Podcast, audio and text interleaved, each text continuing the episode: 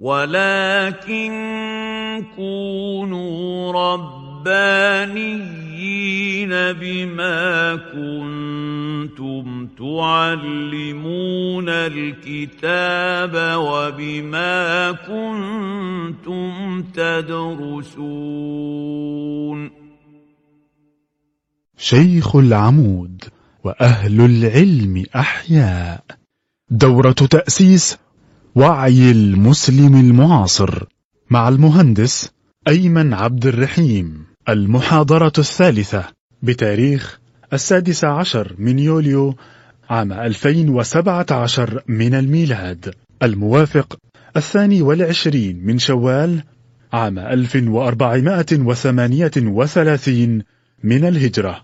وقد انعقدت هذه المحاضرة يوم الأحد بعد صلاة المغرب بمدرسة شيخ العمود بحي العباسية محافظة القاهرة. السلام عليكم. السلام عليكم. شباب في ظرف فاضي هيعدي. عملت الواجب قريته بالتي هي أحسن تدي الظرف فاضي لأخوك أو أختك. ما خل... ما قريتش الواجب كم بير... بما يرضي الله تحط فيه خمسة جنيه من سكات كده وتسلمه للي جنب مش تسلمه الخمسة جنيه. لا تسلمه الظرف كله على بعض خلاص؟ إحنا مخططنا في آخر الدورة دي إن إحنا نشتري سكوتر. آه، قصدي آه، نتبرع بيهم لجمعيه خيريه إيه؟ حاجات عينية ممكن. حلق غويشة ساعة. إيه؟ ماشي. استنى لحظه لحظة. حلو قوي إيه؟ حاسب رجلك؟ يلا. القاعدة بتاعت الانضغاط والتفسح. إذا قيل لكم تفسحوا تفسحوا. وتنضغط. يعني ما تاخدش حيزك كله. حدش ياكل قبل المحاضرة؟ عشان حجمه ما إيه؟ الظرف؟ ده آه، الظرف يبدأ من فين؟ زكي مختار. إيه؟ آه ادي لاخوك آخر أخت هناك خالص هيجي لك ظرف فاضي.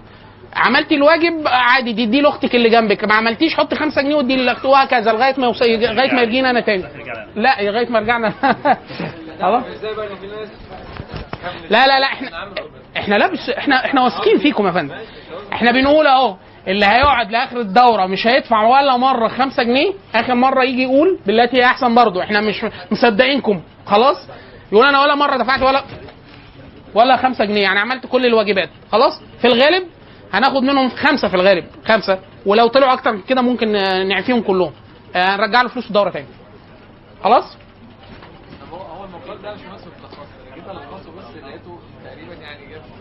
لا إحنا مش عايزين نتلخص إحنا عايزين يتقري قراية مستوعبة.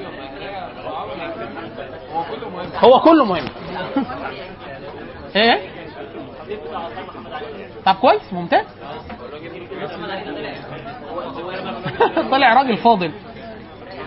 خلاص يا اخوانا تركيز. فين الفلاشة؟ آه... تسألي؟ اتفضلي.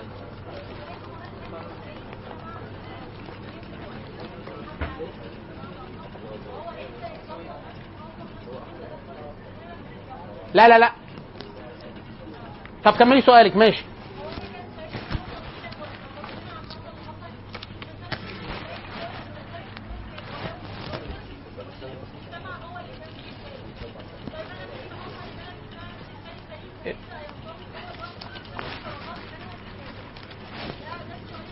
ماشي. قول لي قول لي نهى هاتي الفلاشه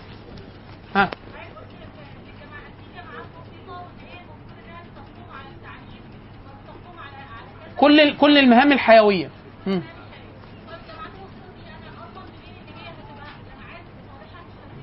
صح.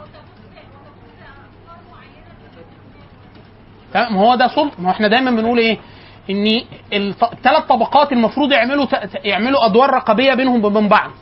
دي تراقب دي ودي تراقب دي ودي تراقب دي. المفروض المفروض المفروض في المجتمع المسلم الطبيعي إن السلطان وظيفته وظيفته وظيفة رقابية. يضمن إن الناس بتؤدي وفي نفس الوقت الأمة والجماعات الوسيطة بتراقب هذا السلطان بحيث هو نفسه ما يطغاش. خلاص؟ اللي بيحصل إيه؟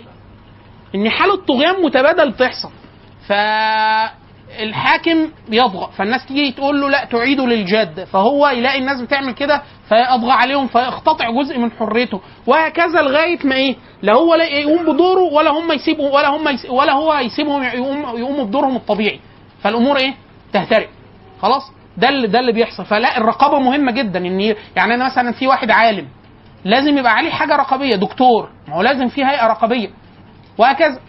الدكاترة دول جماعة وسيطة.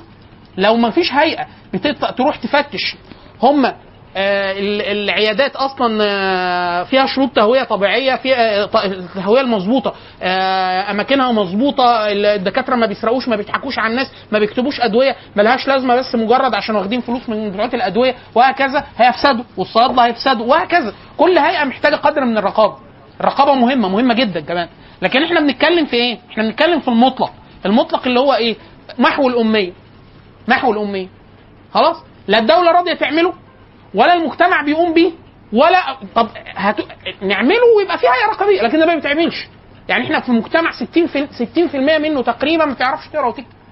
60% خلاص؟ وهكذا. ده غير الجهل الشرعي ده غير الجهل الجهد البدني الجهل البدني الج... يعني أو ال- اللي هو إحنا بنسميه إيه؟ الم... المنكر الرياضي. إن إحنا ما بنلعبش رياضة بالقدر الكافي إحنا ما بنراعيش صحتنا بالقدر الكافي إحنا بنستخدم الادويه الأدوية بشكل سيء جدا مفيش رقابه على هيئات معينة في حاجات إحنا ما بنعملهاش بالكلية هيئات مش موجودة خالص الهيئة نفسها. يعني مثلا مصر كلها ما فيهاش أي هيئة. أنتوا عارفين إن في جمعية عالمية لمعايير دورات المياه عاملها شاب سنغافوري من أصل هندي. الجمعية العالمية لمعايير دورات المياه. في 2 مليار واحد تقريبا في العالم ما عندهمش دورة مياه صحية. في العالم خلاص مصر من أكبر الحاجات ودي داخلة المشكلة فين؟ في صلب من شع- من شعب الإيمان، يعني إحنا أمة متعبدة إن هي تخش الحمام خمس مرات على الأقل في اليوم عبادة. عبادة عشان يخش إيه؟ عايز يتوضا وهكذا فهتي قولي لي لو انت ست في مصر وبالذات في القاهرة ماشية في الشارع عايزة تخش دورة مية آدمية مش إسلامية آدمية ولو عايزة تتوضي في وقت وتصلي فين؟ فين ده ممكن يحصل؟ مفيش. بالها إن هو يكون راجل؟ بالها إن يكون راجل أو ست مصاب؟ عنده مرض سكر عنده سلس بول عنده عايز يخش دورة المية. حد معاه طفل. يعني ست معاها طفل. المفروض الطفل ده إيه؟ اللي هو إيه؟ آه، ده إدارة ذاتية؟ يعني منه لنفسه يعني؟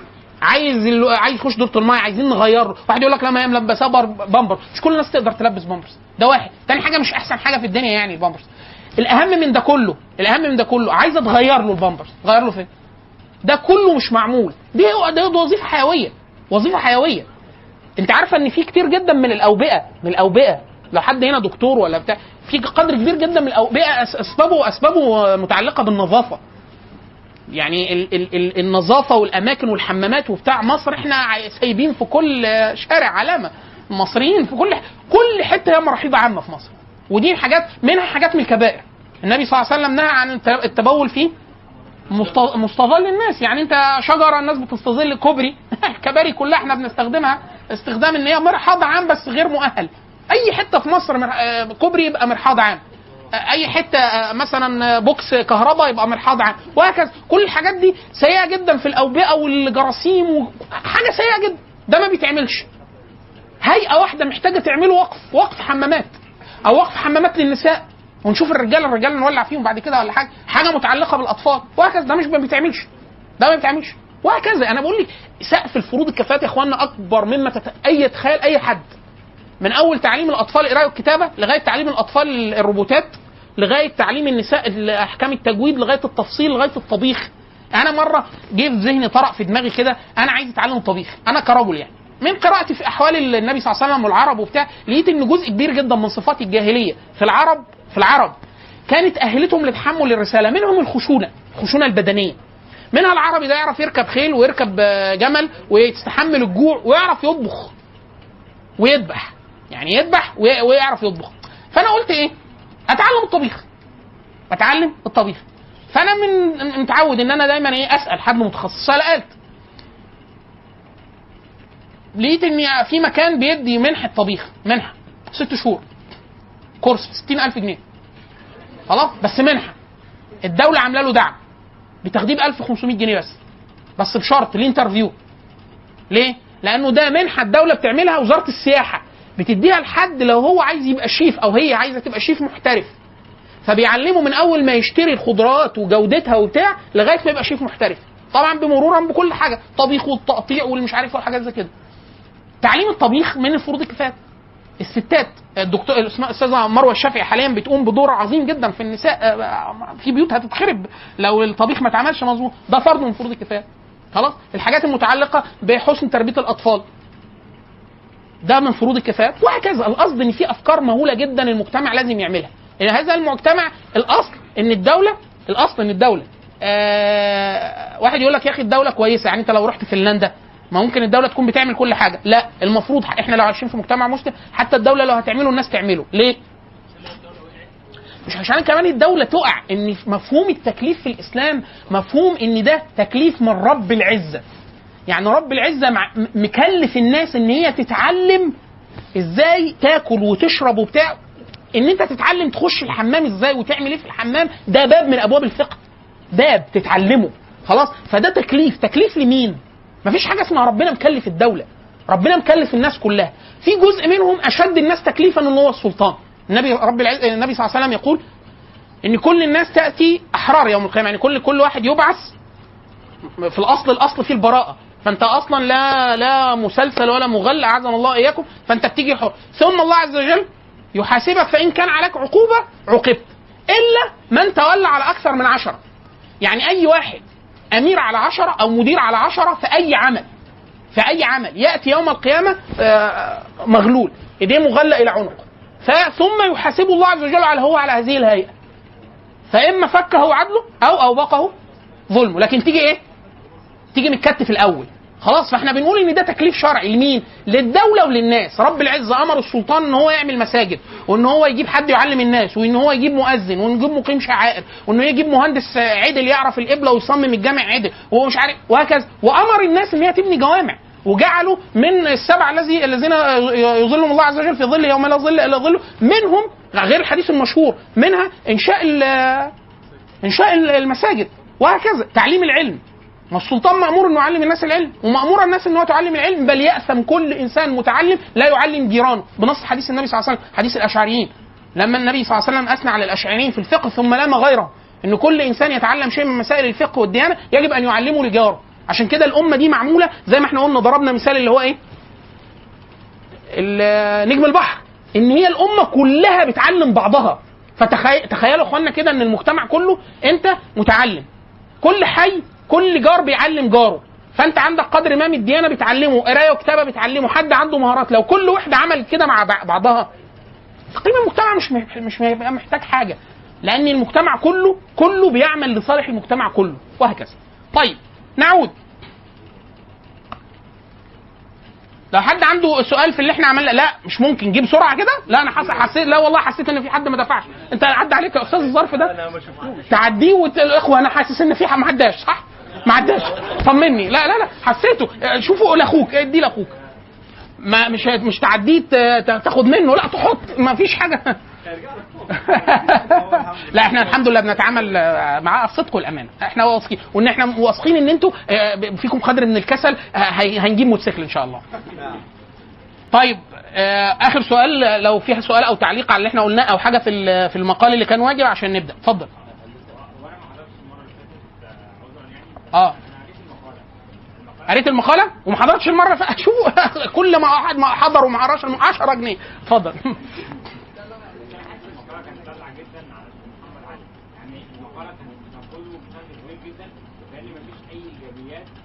هو تقريبا جاب كل إيجابياته. هو قال كان جندي ماهر وصانع وعمل ألسن وترجم كتب وعمل حملة على الحركة الوهابية. عمل ده كله ثم قال ثم قال أما أما المسألة التي يذكرونها له في الدين فكانت حمل حملة على الوهابية. وكل أهل العلم يقولون أنها كانت حملة على الدين لا للدين. فقال الحملة بس قال إن هي كانت في الاتجاه الغلط. ثم قال الترجمات وبتاع قال آه ترجم الكتب والناس يذكرون له وقلم الألسن. ثم قال ظلت هذه الكتب في خزانة الدولة والمخازن ولم تخرج. ثم قال ال- ضبط ضبط ال- الأسلحة في من إيد الناس ومش عارف إيه قال آه بس جه خلى الخواجات والأجانب تسلطوا على الناس فكسروا بأس الأهالي. فلما أتى الإنجليز هو قال كل اللي عمله محمد علي مما يظنه الناس أنه من أعمال ال- الأعمال ثم قال إن هذه الأعمال كانت لها أثر الظرف. اتفضل حضرتك. كان كان لها أثر سيء أكثر من الأثر الإيجابي. فانت بتقول لي محمد عمل جالي علي عمل جيش قوي؟ بقول لك عمل جيش قوي بس على حساب كرامة الناس. عمل مصانع آه ولكن كانت تشبه المعسكرات وبالسخره عمل تعليم آه ولكن لم يكن في صالح الناس بل كان لإعداد الجيش وإلا لم يترك حاله علمية ولا ثقافية ولا هكذا. هو ده اللي كان عايز يقوله محمد عبده إن هو مش بيقول ما عملش. بيقول عمل وكان هذا العمل على غير الجادة. يعني على غير الهدي الصواب. ما أنت ممكن تعمل ده وتعمله بطريقة غير اللي أنت عملتها.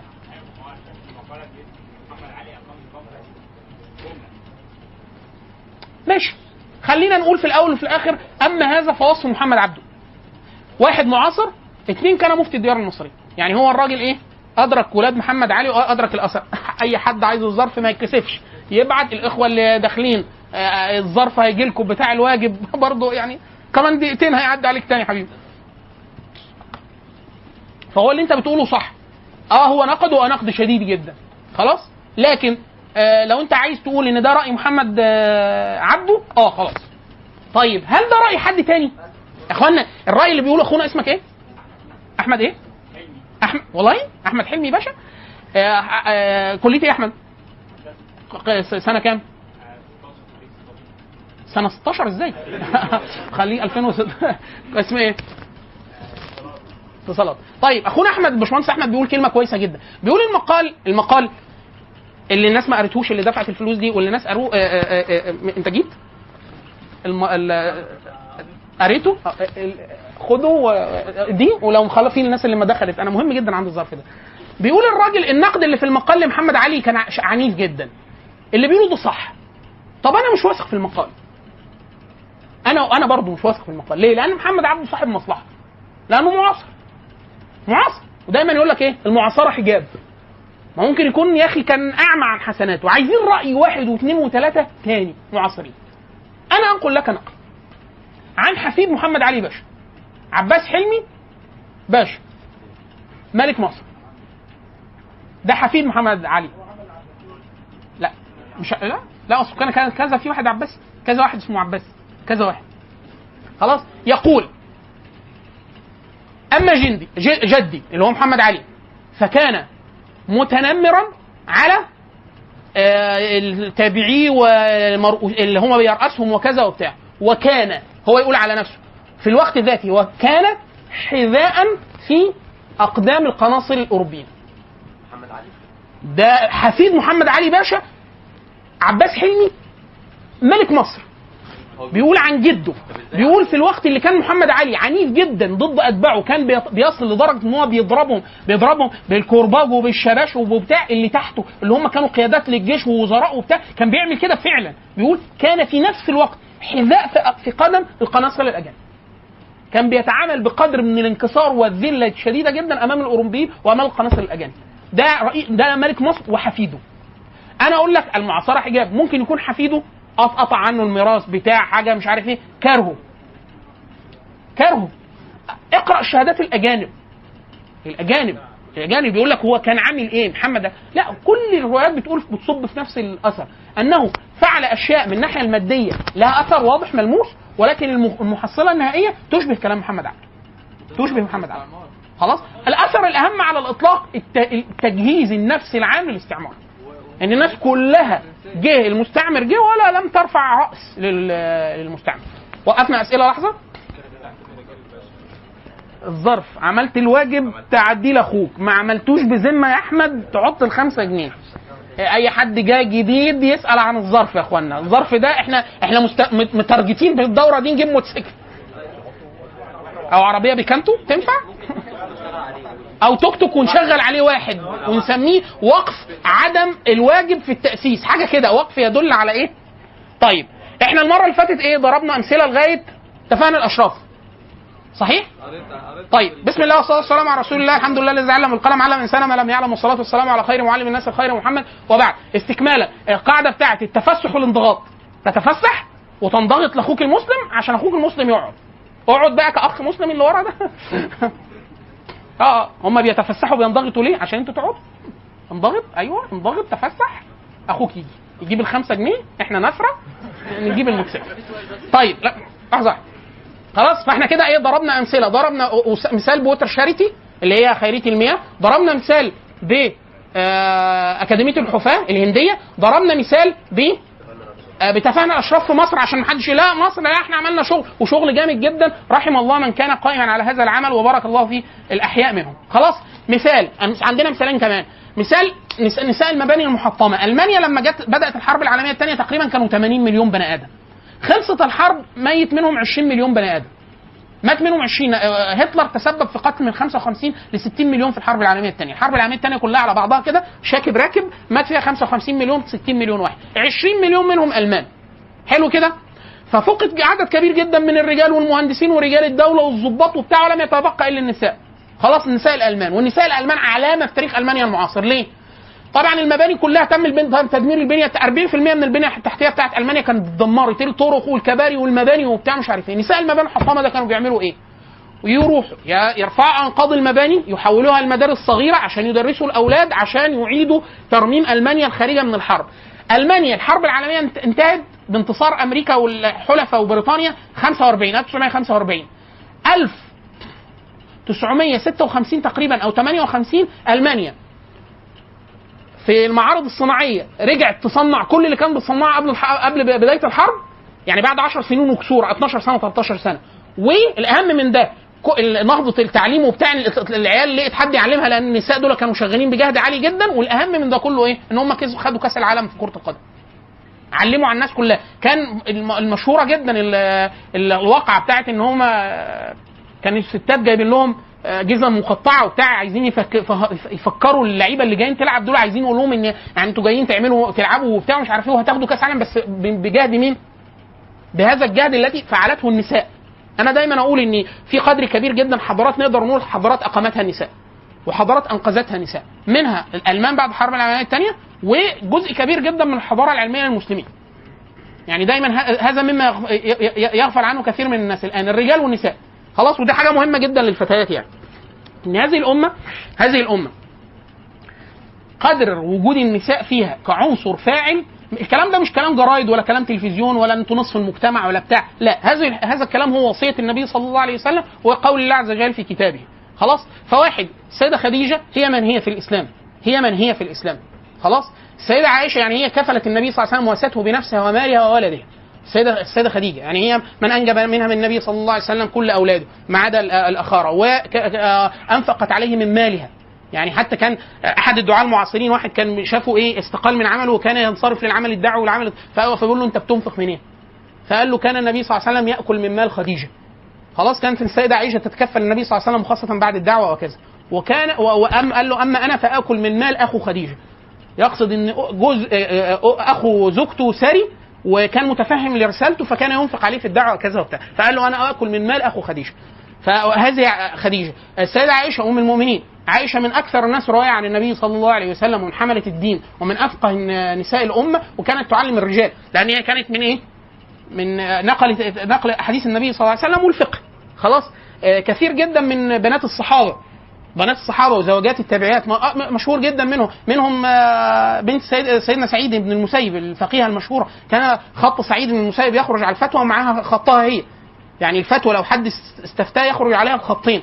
آه، الراجل اللي طالب العلم اللي جوزها له سيدنا سعيد بن المسيب لما جه يخرج بعد العرس. بعد كام أيام خلاص العرس خلص وهيطلع يشوف بقى حاله. فقالت له أنت رايح فين؟ فقال لها درس سعيد. أبوها. فقالت له اجلس أعلمك علم سعيد. هي فقيهة أصلا. فقيهه بالدرجة اللي هي كانت ت- تستفتى.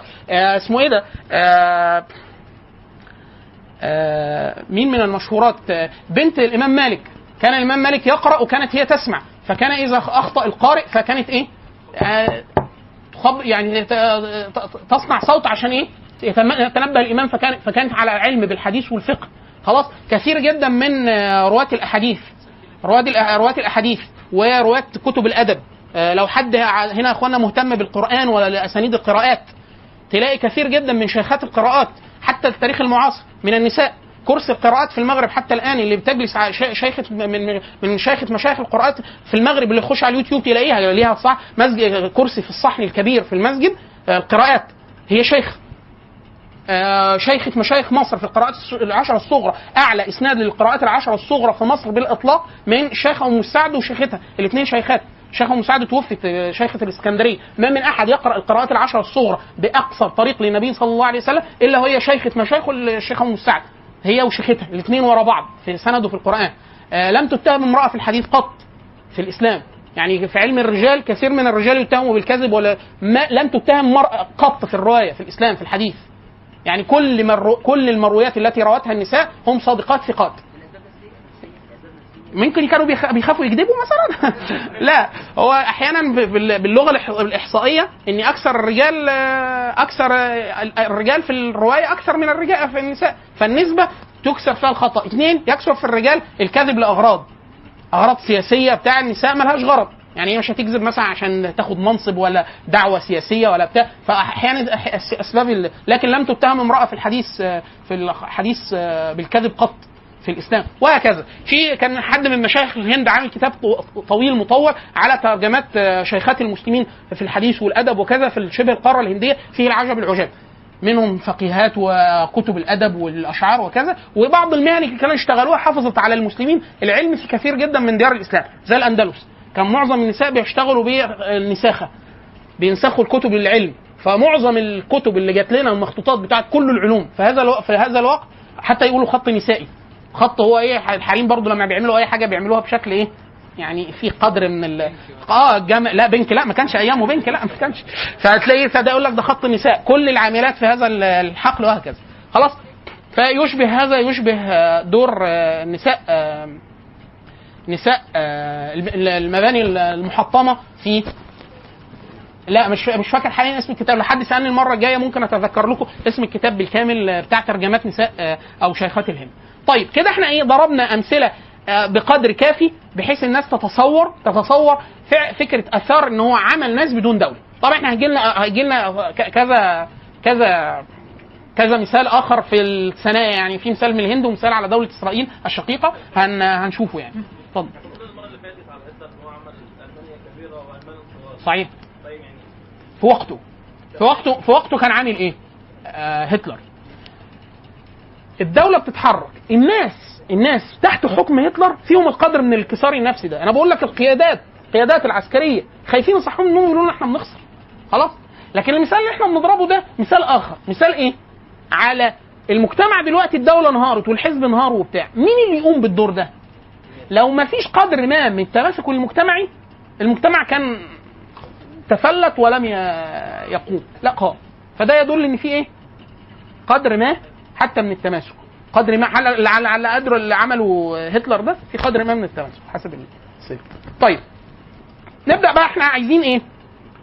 الفكرة اللي إحنا قلناها بتاعت فكرة الجماعات الوسيطة وفكرة آه، تقسيم الطبقات المجتمعية دي عايزين نستعرضها عبر التاريخ. فإحنا هنبدأ إيه؟ بأطراف العالم الإسلامي.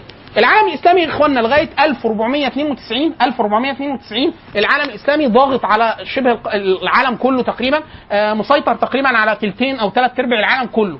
ليه إحنا بنقول العالم كله وقتها لأن الأمريكتين ما كانش فيهم تواجد يذكر آه، حضاري. آه في حضارات قديمة المايا والازتك وكده لكن ما كانش في يعني إيه آه، والإنكا في في حضارات قديمة في أمريكا اللاتينية وأمريكا الوسطى وأمريكا الشمالية لكن مش بالقدر الإيه؟ الكبير يعني. معظم العالم القديم آسيا أوروبا أفريقيا المسلمين تقريبا خدوا كل المساحة المهمة اللي فيه. خلاص؟ بيحكموا المسلمين. الجزء اللي في أوروبا العثمانيين عمالين ينكدوا على الأوروبيين. آه، المسلمين اللي كانوا دخلوا من إسبانيا والبرتغال بدأوا تم طردهم بل تم طردهم بالفعل 1492 تم تط- تطهير حرب الاسترداد كسبوها وتقريبا دخلوا غرناطه من هنا هتبدأ البرتغال وإسبانيا ينطلقوا منين؟ من حافة القارة ويبدأوا يتحركوا. هيتحركوا يروحوا فين؟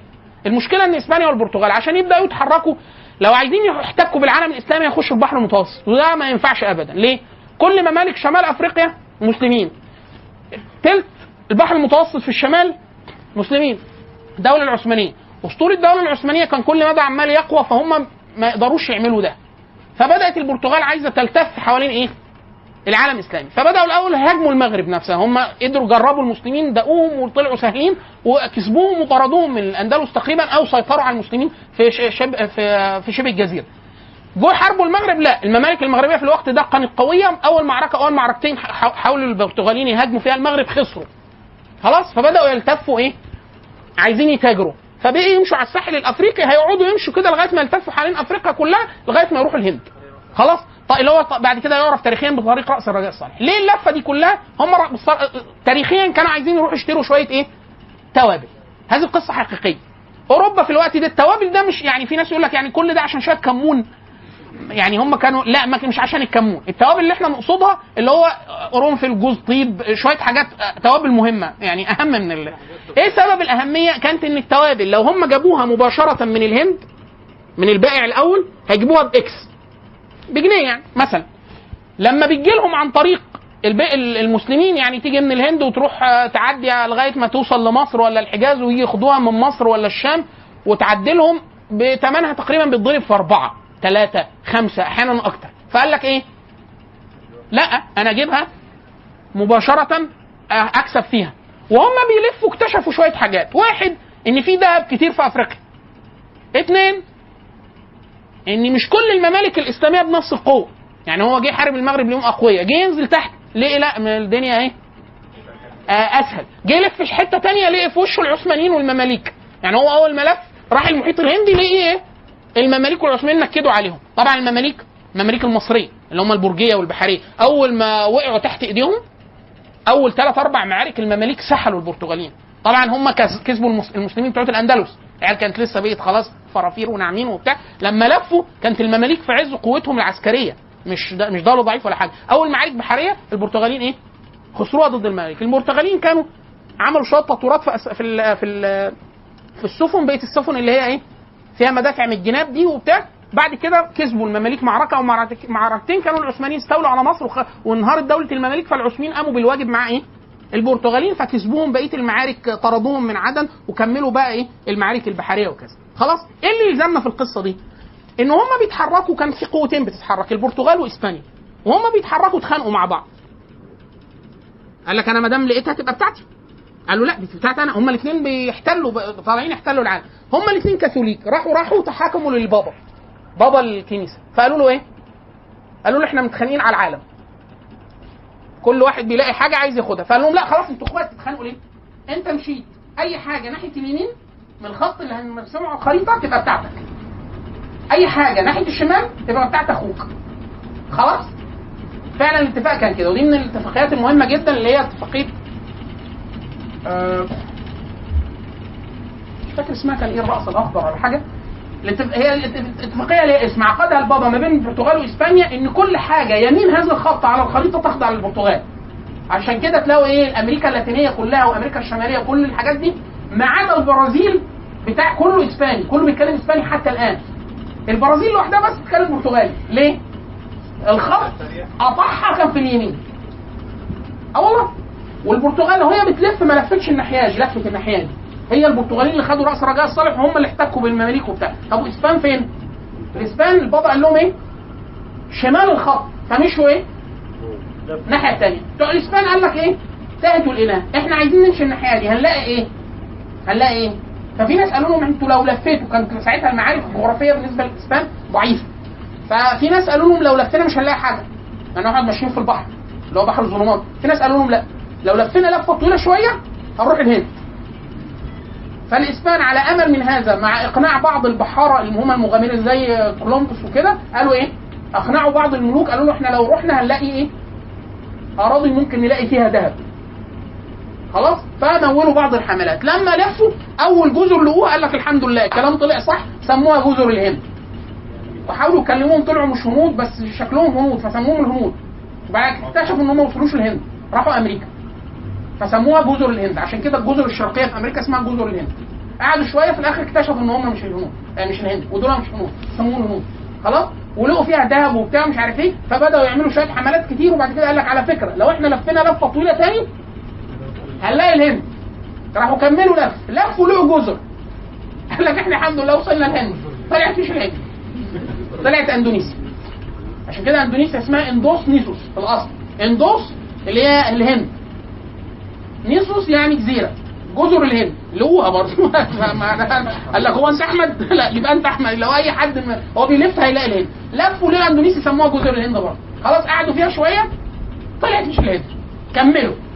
هم كملوا المهم إيه؟ إن في اللفة دي كده إسبانيا اكتشفت حفه العالم الإسلامي. إيه بقى مشكلة إندونيسيا؟ واحد ان هي المسلمين ما دخلوهاش فتح إسلامي. يعني ما فتحها ما فيش فتح عسكري. فهذه البلاد دخلت حديثا جدا لسه ليها من 50 سنة 80 سنة في الإسلام. اثنين ان معظم أهل هذه الديار وثنيين. ما فيش وجود قوي سلطان مركزي دولة مركزية بتاع ليها مؤسسات في هذه المناطق. ده واحد. اثنين إن هي بعيدة عن سطوة الممالك القوية زي الدولة العثمانية والمماليك وبتاع. يعني المماليك والدولة العثمانية عرفوا يح- يحموا لغاية الهند. بس من ناحية الإيه؟ اللي بيلف من ناحية أفريقيا. اللي لف من بعيد قوي ده الدولة العثمانية كانت إيه؟ ملهاش سطوه على هذه الاماكن هم قعدوا يدافعوا عن الهند لغاية الهند. أبعد من كده ما كانش لسه في سطوه لال عثمان على هذه المناطق. خلاص؟ هنا تبدأ بقى شوية أسئلة متعلقة بإيه؟ بوعي المسلمين حوالين اندونيسيا إحنا لما بنيجي نتكلم اندوس إحنا قلنا إندونيسيا في الاصل اسمها اندوس نيسوس طيب هي إندونيسيا إحنا حاليا لما بنتكلم عليها بنقول عليها إندونيسيا. خلاص؟ وإحنا لسه قايلين من شوية اللي مسمين إندونيسيا كده الكفار طب إحنا كمسلمين ليه مسمينها إندونيسيا حتى الآن؟ يعني مصر اسمها مصر من زمان. من أيام سيدنا موسى. يعني مصر مصر. فاحنا آه، هم سموها إيجيبت. فاحنا مسمينها حاليا إيه؟ مصر برضه. ما حصلش حاجة. يبقى إحنا كده الموضوع إيه؟ طبيعي. أندونيسيا. كان اسمها إيه وبقت اسمها إيه؟ ما هو مش ممكن يكون اسمها من أيام الاسبان اندوس نيزوس وبقت إندونيسيا وإحنا مسمينها إندونيسيا. فدي أول تكليف. إخواننا ركزوا قوي في التكليفات عشان المرة الجاية. أول تكليف. عايزين نعرف اسم إندونيسيا عند العرب المسلمين قبل الاحتلال الأجنبي. يعني إندونيسيا ليها كذا أسماء. ممكن هتلاقوا لها خمس أسماء ولا حاجة. فعلا خمس أسماء أو أربع أسماء. عند العرب المسلمين. إحنا كنا مسمين المنطقة دي بالصلاه على النبي إيه الحتة الفلبين أندونيسيا سومطرة جوا الحتت اللي هي الجزر دي. كنا مسمينها إيه؟ بحيث حاليا لو إحنا عايزين نسميها حاجة ثانية غير إندونيسيا نقول عليها إيه؟ خلاص ده واحد. اسم إندونيسيا عند العرب المسلمين. إحنا كنا مسمين المنطقة دي إيه؟ خمس أسماء أو أربع أسماء على حسب المناطق تشوفوها لنا. لو حد جاب اسمين ثلاثة ماشي جاب كلهم برضه يبقى ممتاز. ما جابهمش خالص. لا خمسة جنيه شوف الموضوع بسيط إزاي؟ اثنين ملمح لا مش تكليف. ملمح بقى. هو أندونيسيا في الشرق ولا في الغرب؟ عشان نبدأ نتكلم عليها كويس. أندونيسيا في الشرق ولا في الغرب؟ على مين اللي قال على حسب؟ على حسب. على حسب إيه؟ على حسب حضرتك لو جاي من مدرجات الدرجة الأولى تبقى شايفها كذا. لو جاي من مدرجات المربع وهكذا. أندونيسيا دي شرق وغرب بالنسبة لإيه؟ إحنا عايشين على كورة. فالكورة دي لا بوظتها لفيتها كتير. هي شرق وفي غرب. لازم توقف الكورة. ما أنا لسه لاففها اهو توقفها. بعد ما توقفها تحط خط. وبعد ما تحط خط تحدد الخط ده شماله ولا يمين. زي ما أقول لك أنت طويل ولا قصير. فانت تقول لي هو إيه حد القصر؟ إيه حد الطول؟ عشان نعرف إيه؟ عشان اعرف. فانا أقول لك كل واحد راجل أقل من 165 مثلا بيقولوا إن هو قصير. فانت تقيس. لقيت نفسك 164 تقول أنا مائل إلى القصر. وهكذا. أطول من مش عارف إيه. أي ست أقل مش عارف. وهكذا. طب اندونيسيا دي شرق ولا غرب؟ فاحنا طلعت كورة. طب ليه إحنا بنقول على على نفسنا الشرق الأوسط وهم الشرق الأقصى؟ جرينتش خط جرينتش مين بقى الحاج جرينتش دي مقاطعة مدينة في بريطانيا عدد عليها خط. طب ليه إحنا؟ أو ما الكفار مشوا. يعني جم مشوا بريطانيا دي كانت محتلة جزء كبير من العالم الإسلامي ومشي إيه اللي يخلينا إحنا قاعدين على خط جرينتش الأول؟ يعني ليه إحنا بنقول عليها شرق وغرب؟ واحد يقول لك طب أنت عايز تقول عليها إيه؟ هنا يبدأ السؤال. أنا كمسلم لو في كورة وأنت لفتها لي كده أنا حددها بناء على إيه؟ ده وعي بقى أنا كمسلم تصوري. فأنا عندي مركز هذا الكون مكة. البيت الحرام. هو ده مركزه. عشان كده النبي صلى الله عليه وسلم يقول حاجة شرق أو حاجة غرب يبقى النبي هو المركز. فما أقول الغرب أهل الغرب يبقى هو الشام يقصد الشام. لأن دي غربه غرب النبي. فيبقى أنا عندي مكة أو النبي صلى الله عليه وسلم هو إيه؟ هو مركز الأشياء. واحد يقول لك يا عم ماشي يعني لا دي مهم جدا. يعني إحنا دلوقتي إحنا في الساعة كام؟ دلوقتي الساعة 8 8 بتوقيت إيه؟ مش كده لما حد يكون مستني ماتش ولا مسلسل يقول لك ده بتوقيت مكة أو توقيت جرينتش ليه بقى توقيت جرينتش الساعة 8 دي. 8 من إيه؟ هو اليوم بيبدأ إيه عند المسلمين؟ خلينا نرجع خطوة ورا شوية. اليوم. اليوم بيبدأ إمتى؟ في ناس بتقول بعد الفجر. في ناس بتقول بعد المغرب أو بالليل. الليل حد الليل. الليل يبدأ من إمتى؟ طيب سؤال تاني. إحنا لسه مش محددناش اليوم بيبدأ إيه؟ يوم المسلمين. طب يوم المسلمين الليل بيجي أول ولا النهار؟ الليل. ولا النهار. ولا الليل الليل بيجي الأول. خلاص؟ فاليوم لما يبدأ الليل بتاعه بيجي الأول. فاحنا اليوم أوله ليل. بننام ونصحى. نبدأ بقى إيه؟ اليوم بتاعنا. فأول صلاة في اليوم هي إيه؟ أول صلاة. أول صلاة المغرب ولا العشاء؟ العشاء ماشي. ما هي اول خلاص الصلاه خلاص خلص اليوم. الصلاة العشاء دي دي عشاء إيه؟ اليوم الجديد. اليوم الجديد. اللي هو الليل. خلاص عشان كده إحنا في رمضان لما يجي يقول لك إيه رمضان بكرة. يبقى صلاه رمضان أنا وأنا صغير كان يبدأ يقول لك في رمضان بكرة الناس يقول لك يلا نصلي التراويح. اخوانا مستعجلين إيه؟ قدامكم شهر. يعني ليه نلحق قبل الشهر ما بدأش؟ بكرة رمضان. أنا متصور على توقيت الكفار قصدي توقيت الحاج جرينتش إن إحنا بكرة رمضان. هو مش بكرة دلوقتي رمضان. إحنا في ليل رمضان. ما دام المغرب غرب يبقى إحنا كده في ليل رمضان. أول صلاه صليناها اللي هي المغرب والعشاء كده الت- التراويح دي قيام ليل رمضان اللي هو بدأ. فأنا كده في ليل رمضان. آخر ليلة أنا كنت الناس مستقل الناس قوي بالذات أبويا. أول يقول لك بكرة مش رمضان يقول لك خلاص ما نصليش تراويح. بابا شهر رمضان كله وبتاع. طب نصلي الليلة الاخرانيه ما جاتش على آخر ليلة. هو إحنا ما بقاش في رمضان. إحنا الليل يوم العيد بدأ. فدي ليلة العيد ما ينفعش تصلي فيها. خلاص ما فيهاش تراويح. التراويح في رمضان. عايز تقوم الليل يبقى ده مطلق قيام مش التراويح مش بتاعت رمضان. فعشان كده من رمضان خلص مش ده القيام اليوم خلص. خلاص؟ فاحنا شايفين الكون معكوس عشان إحنا شايفينه بنضاره أحكام. فاحنا بنقول دلوقتي الساعة 8 يعني اليوم بدأ ليه 8 ساعات؟ اليوم بدأ ليه كام ساعة؟ اليوم باقي له ساعة يوم ساعة. فاحنا دلوقتي الساعة واحدة. عشان كده لو حد فيكم راح الحرم حرم المكي تلاقوا فيه كذا ساعة؟ منها الساعة بتاعت التقويم القديم. فتلاقي انت اليوم ساعة وتلاقي ساعة ثانية خالص. عشان كده إحنا لو التقويم بتاعنا ده كان شغال لغاية خليل اسماعيل هنا في مصر. فكان دلوقتي الساعة واحدة. لأن دي أول ساعة في اليوم. في حد عبيط. اليوم يبقى لسه بادئ ساعة يقول لك الساعة 8 الساعة 8 من إيه؟ عشان كده إحنا دلوقتي يقول لك إيه؟ إحنا إحنا الناس عايشين بقلبين. ما شاء الله ل- لرجل من قلبين اليوم أول ما تيجي الساعة 12 إحنا بنقول اليوم قلب.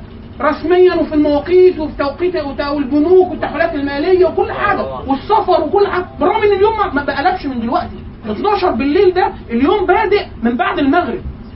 اللي هو من ساعة. يعني إحنا دلوقتي الساعة واحدة. عشان كده إحنا إيه؟ اليوم بتاعنا متشقلب. اليوم بتاعنا إحنا بنعيشه على صلوات والصلوات مش مقسومة على الساعة. ولا بتوقيت العمل ولا توقيت أي حاجة. كان معمول بيها لحد إمتى؟ لغايه خليل إسماعيل. التوقيت القديم. خلاص؟ فتلاقي كانت الساعة مختلفة زي اللي أنا بقوله كده اللي هو إيه؟ على توقيت توقيت اليوم الطبيعي فده واحد. المفروض دلوقتي واحدة صباحا؟ المفروض دلوقتي كده صباحا. واحدة مساء. مولانا الصباح يجي الصباح ده توقيت شرعي. يجي إمتى؟ إحنا الليل بدأ. الليل بصلاه المغرب. فدلوقتي واحدة مساء. هو بيقارن ب لا 12 بتكلم على صباحا المقارنه بالتوقيت بتاع حاليا. لا مالهاش دعوة بصباحا ومساء. ما الصباح هيفضل صباح والمساء هيفضل مساء. إحنا هي الساعة كام؟ واحدة يعني أول ساعة في اليوم. اثنين يعني ثاني ساعة في اليوم. ثلاثة 17 مغرب. 14 هو الغرب اللي خلاص اليوم خلص. الشمس نزلت يبقى الليل خلص. اليوم خلص. انت هتصلي. صلاة ادي مغرب وبعد كده عشاء. وبعد كده ثالث صلاة.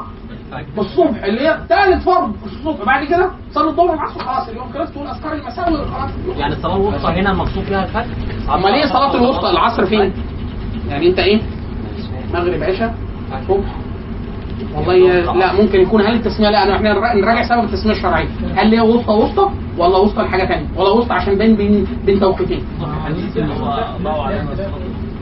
ماشي ما إحنا إحنا ما إحنا مش إحنا عارفين إن صلاة العصر اسمها صلاة الوسطى وسطى ليه؟ يعني هو ده السبب. حد يشوف لنا الوسطى دي بس مش تكفي يشوف لنا الوسطى ليه؟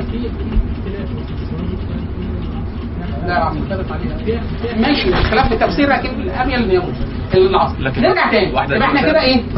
يبقى إحنا كده عندنا واحد شرق وغرب ده متعلق بانت شايف الكون إزاي. فانا لازم كمسلم احدد الشرق والغرب الأول. فانا عندي مركزي مكة. مكة مش عشان أنا بحب السعودية. لا أنا متعلق ان مكة دي بيت الله الحرام. فخلاص فده واحد. اثنين أسماء الأشياء. أندونيسيا اسمها؟ طبعا يقول لك أنت عايز تسميها إيه؟ أنا عايز أسميها الاسم اللي بيسميه عرب المسلمين. ليه؟ لأن أنا عندي موضوع الأسماء ده حساس شوية. حساس شوية. ليه حساس؟ النبي صلى الله عليه وسلم مما أرسل به تغيير أسماء الأشياء يعني ده جزء من الإسلام اللي هو إيه؟ النبي صلى الله عليه وسلم كان ماشي مع الصحابة في يوم العيد يوم الأضحى يوم ال يوم الحج الاكبر وبعد كده قال لهم إيه؟ قال لهم أي شهر هذا؟ فسكتنا الصحابة لأنه مجربين النبي غير لهم أسماء حاجات قبل كده فغير لهم أسماء مدن وأسماء بني آدمين وأسماء حاجات وأسماء شهور فقالوا فسكتنا قلنا يسميه بغير اسم فقال أليس الشهر الحرام؟ ده الشهر الح- الحرام؟ قالوا نعم يا رسول الله ثم قال أي بلد هذه؟ فسكتنا قلنا نسميها بغير اسمها ليه؟ لأنه النبي سمى بلد قبل كده بغير اسمها كانوا بيقولوا عليها يثرب فنهى النبي صلى الله عليه وسلم في الإسلام أن يقال يثرب دي تسمية جاهلية امال دي تقال إيه؟ قال هذه طيبة فيقال عليها طيبه ويقول عليها طابة ويقال عليها مدينة النبي صلى الله عليه وسلم ويقول عليها المدينة المشرفة ويقول عليها الحرم الحرم الملك أسماء كثيرة عند المسلمين. لكن يثرب ده اسم جاهلي. يتقال بس إن إحنا الكفار كانوا بيقولوا عليها يثرب لكن النبي صلى الله عليه وسلم نهى أن يقال على مدينة يثرب في الجاهلية. خلاص؟ طيب ليه؟ هو النبي قال كده. أحيانا ممكن يكون السبب مفسر وغير مفسر. في واحد جه للنبي صلى الله عليه وسلم قال له أنت اسمك إيه؟ قال له عبد شمس قال له بل أنت عبد الرحمن. خلاص ما بقاش اسمه عبد شمس واحد يقول لك غيروا اسمه عشان اسمه كفري مش لازم. في أسماء كفرية فضلت زي ما هي.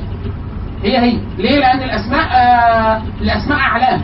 أعلام يعني آه أعلام. يعني واحد اسمه النبي صلى الله عليه وسلم في غزوة حنين قال أنا النبي لا كذب أنا أنا ابن عبد المطلب. فعبد المطلب ده اسمه. خلاص يعني واحد يقول لك إيه؟ طب ما نغير اسمه. زي ما واحد يقول لك إيه؟ آه مثلا واحد اسمه عبد النبي أو اسمه عبد الرسول. فواحد يقول لك لازم نغير اسمه. لا مش لازم. ده على الأعلام. علم بيه علم. ما مش مقصود بشيء. إلا لو كان الاسم الاسم يفيد كفر قطعي زي زي اللي هو إيه؟ عبد الشمس وبتاع لما كان بيعبد حاجة. فلا ده ممكن يتغير. غير كده لا على الأعلام علم وإلا في ناس أحيانا بتسمي أسماء هي الاسم غلط. يعني مثلا اسم مش يعني مثلا الناس بتسمي عبد الستار مثلا. ما فيش في في المشهور في أي حديث صحيح عن النبي صلى الله عليه وسلم إن من اسم من أسماء الله عز وجل الستار مثلا. ولا الستير خلاص؟ لا يصح على النبي صلى الله عليه وسلم. لا ده ولا ده. الستير ان الله حي ستير. يعني فعيل. خلاص؟ فواحد سموه عبد الستار. وأنا شفت واحد اسمه عبد الستير. أبوه كان فاكر إن الاسم كده. خلاص على كل واحد على الاعتقاد بس ده عالم. خلاص اسمه كده. اسمه يعني واحد ما اسمه عبد الستار تقول له إزيك عبد الستير؟ ما هو اسمه عبد أبوه سماه كده. تعرف خلاص اسمه كده. وهكذا. خلاص فالإسلام على الأعلام.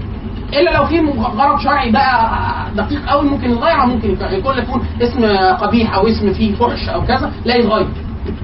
في بعض العجم المسلمين هم محبين للقرآن والسنة وبتاع بس هو جاهل بالعربية. فلما بيخلف بنت أو ولد بيفتح المصحف ويحط إيده جوه المصحف. إيده تقع على أي حاجة يسمي بال- بالاسم ده. فطبعا بتقع على أسماء قبيحة فواحد بيسمي بنته مؤمن. في أسماء حسن. أنا قابلت بنت من داغستان. وإحنا في اسيوط في جامعة في اسيوط كانوا جايين يدرسوا. اسمها مؤمنات. وزميلتها اسمها مسلمات.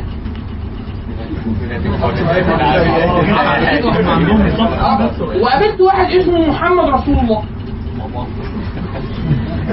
والله كنا معزومين بناكل فالشيخ اللي بي- معزمني ما بيعرفني على إخوة من آه، مسلمين بس عجب. فقال لي محمد. فأنا لسه هسمع قال لي رسول الله. قلت له صلى الله على محمد. فالراجل اتكسف شوية. ف... ف يعني هو فهمني قال لي هم لهم عادة وكذا وشرح لي أخونا ده كان قاعد 10 سنين في روسيا. فقال لي معظم بيسموا بالاسماء فهو حطوا اسمه على محمد رسول الله والذين فسمى على بعضه. فسماه محمد رسول الله. أبو لهب. في بنت شفتها اسمها زانيه ده اسم يجب أن يغير في الإسلام. لو ده لو ده اسم في, ال... في هو طبعا بالنسبة له اسم مش ملوش أي معنى. انه تقريبا هو مش عارف.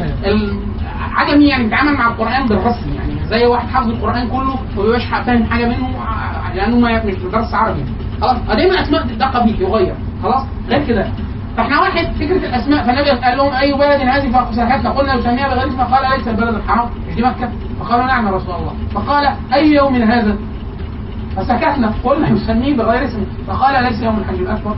قالوا نعم يا رسول الله. قال إن أموالكم ودماءكم حرام عليكم كحرمة بلدكم هذا في يومكم هذا في شهركم هذا. فالنبي صلى الله عليه وسلم كان ليه مقصد ثاني الشاهد من الحديث إن فكره تغيير دلالات الأشياء والأسماء دي داخلة في سلطات النبي صلى الله عليه وسلم اللي هي سلطات الشريعة اللي هي سلطات الفقه والديانة. زي أسماء الشهور النبي صلى الله عليه وسلم شهر النسيء. جه قال لهم إنما النسيء في الكفر. ده تغيير دلاله شهر آه ده هتغير لنا حرم والشهر الحرم وهيئه الزمان التي وضعها الله عز وجل عليها الصوم والقيام كل حاجة تتغير في العبادات. فده من العبث.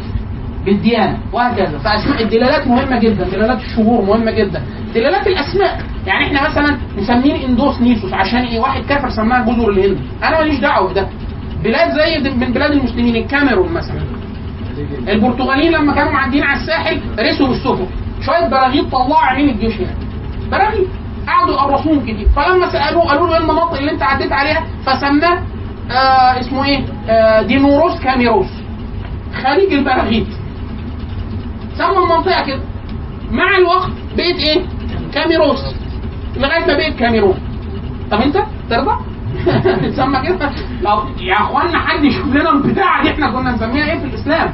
زي كوت ديفوار إحنا يقول لك أنت منين؟ كوت ديفوار دروجبا والجماعه والكوره وبتاع. كوت ديفوار دي إحنا سميناها إيه؟ ساحل العجب أو ساحل ساحل العاج أو ساحل الذهب. يبقى خلاص نسميها ساحل العاج.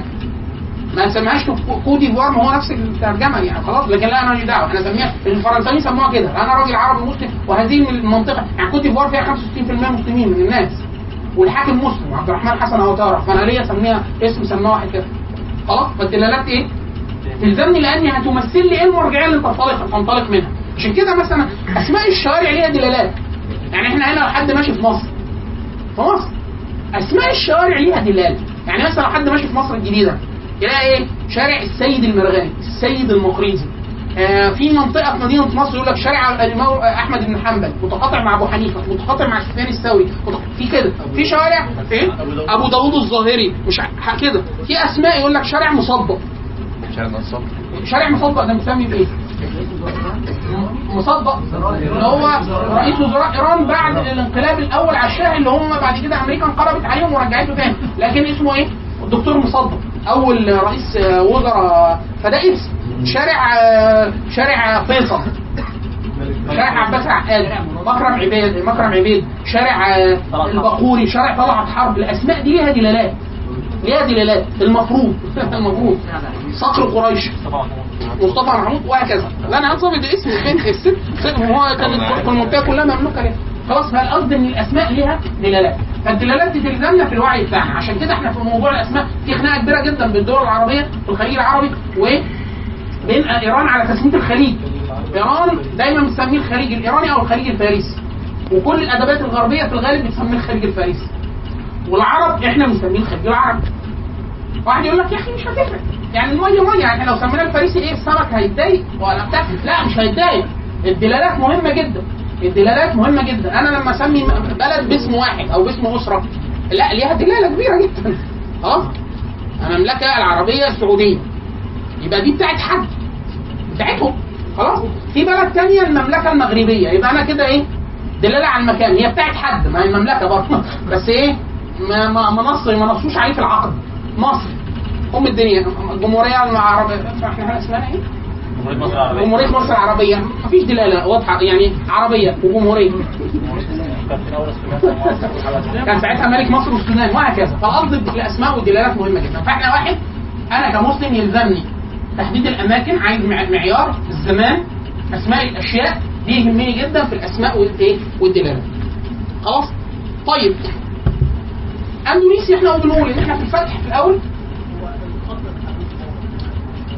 اسم ال اسم ال اسم ال اسم ال الاتفاقية كان روديس بس آه لا.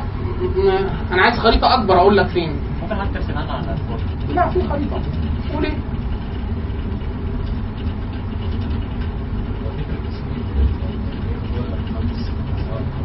إيه؟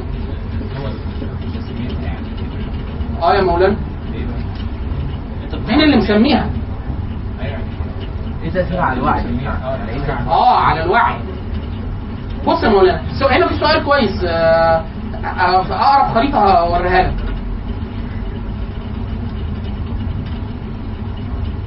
ترودسلاس اسمها ترودسلاس مش ده طبعا نوع من التأثير على اللغة العربية زي فرانكو كده ماشي. مش ده يعتبر نوع من الاسماء العربية؟ الأشياء إيه علاقتها بالهوية؟ أنا لما حاليا أقول لك إحنا في شهر كام؟ إحنا في شهر كام؟ شهر إيه؟ إحنا إحنا في شهر يوليو. آه معظم الحاجات المهمة إحنا يقول لك إيه؟ ثورة يوليو. ثورة يناير. خلاص؟ أو احداث الشغب بتاعت آه ممكن احداث الشغب بتاعت 25 يناير. وهكذا الاسماء متعلقة بالشهور اسماء الشهور اللي, اللي هي التقويم الجورجوري فانت ما دام مسميها كده إحنا مين مهتم إن هو يعرف النهارده شهر كام هجري؟ مش مهتم بده ليه؟ ده مش مش ما تقوليش ليه ما لهوش اثر على الهويه أنت مهتم براتبك بشغلك بامتحاناتك بكل حاجة. أختي أنا الكبيرة كانت في السعودية. فاقول لها أنتوا جايين إمتى يا أم صالح؟ تقول لي جايين في شهر تسعة. يا لهوي. بعد تسعة هي بتتكلم عن هجري. أنا بتكلم عن الميلادي فأقول لها آه أنتوا ماشيين مسلمين إحنا ماشيين كفار فالموضوع خلاص. اللي هي إحنا بنشوف العكس. هو حاليا السعودية مشهورة كفار. السعودية قررت التقويم الميلادي خلاص. جورجوري ولاسباب اقتصادية. عشان المرتبات. عشان المرتبات يوفر عليهم مرتب في سنة. مرتب شهر في السنة لأنه بتفرق 11 يوم فتعمل لك آه، مبلغ اقتصادي. ده اثر في الهوية آه. في حد ياخد قرار متعلق بتقويم الناس عشان فلوس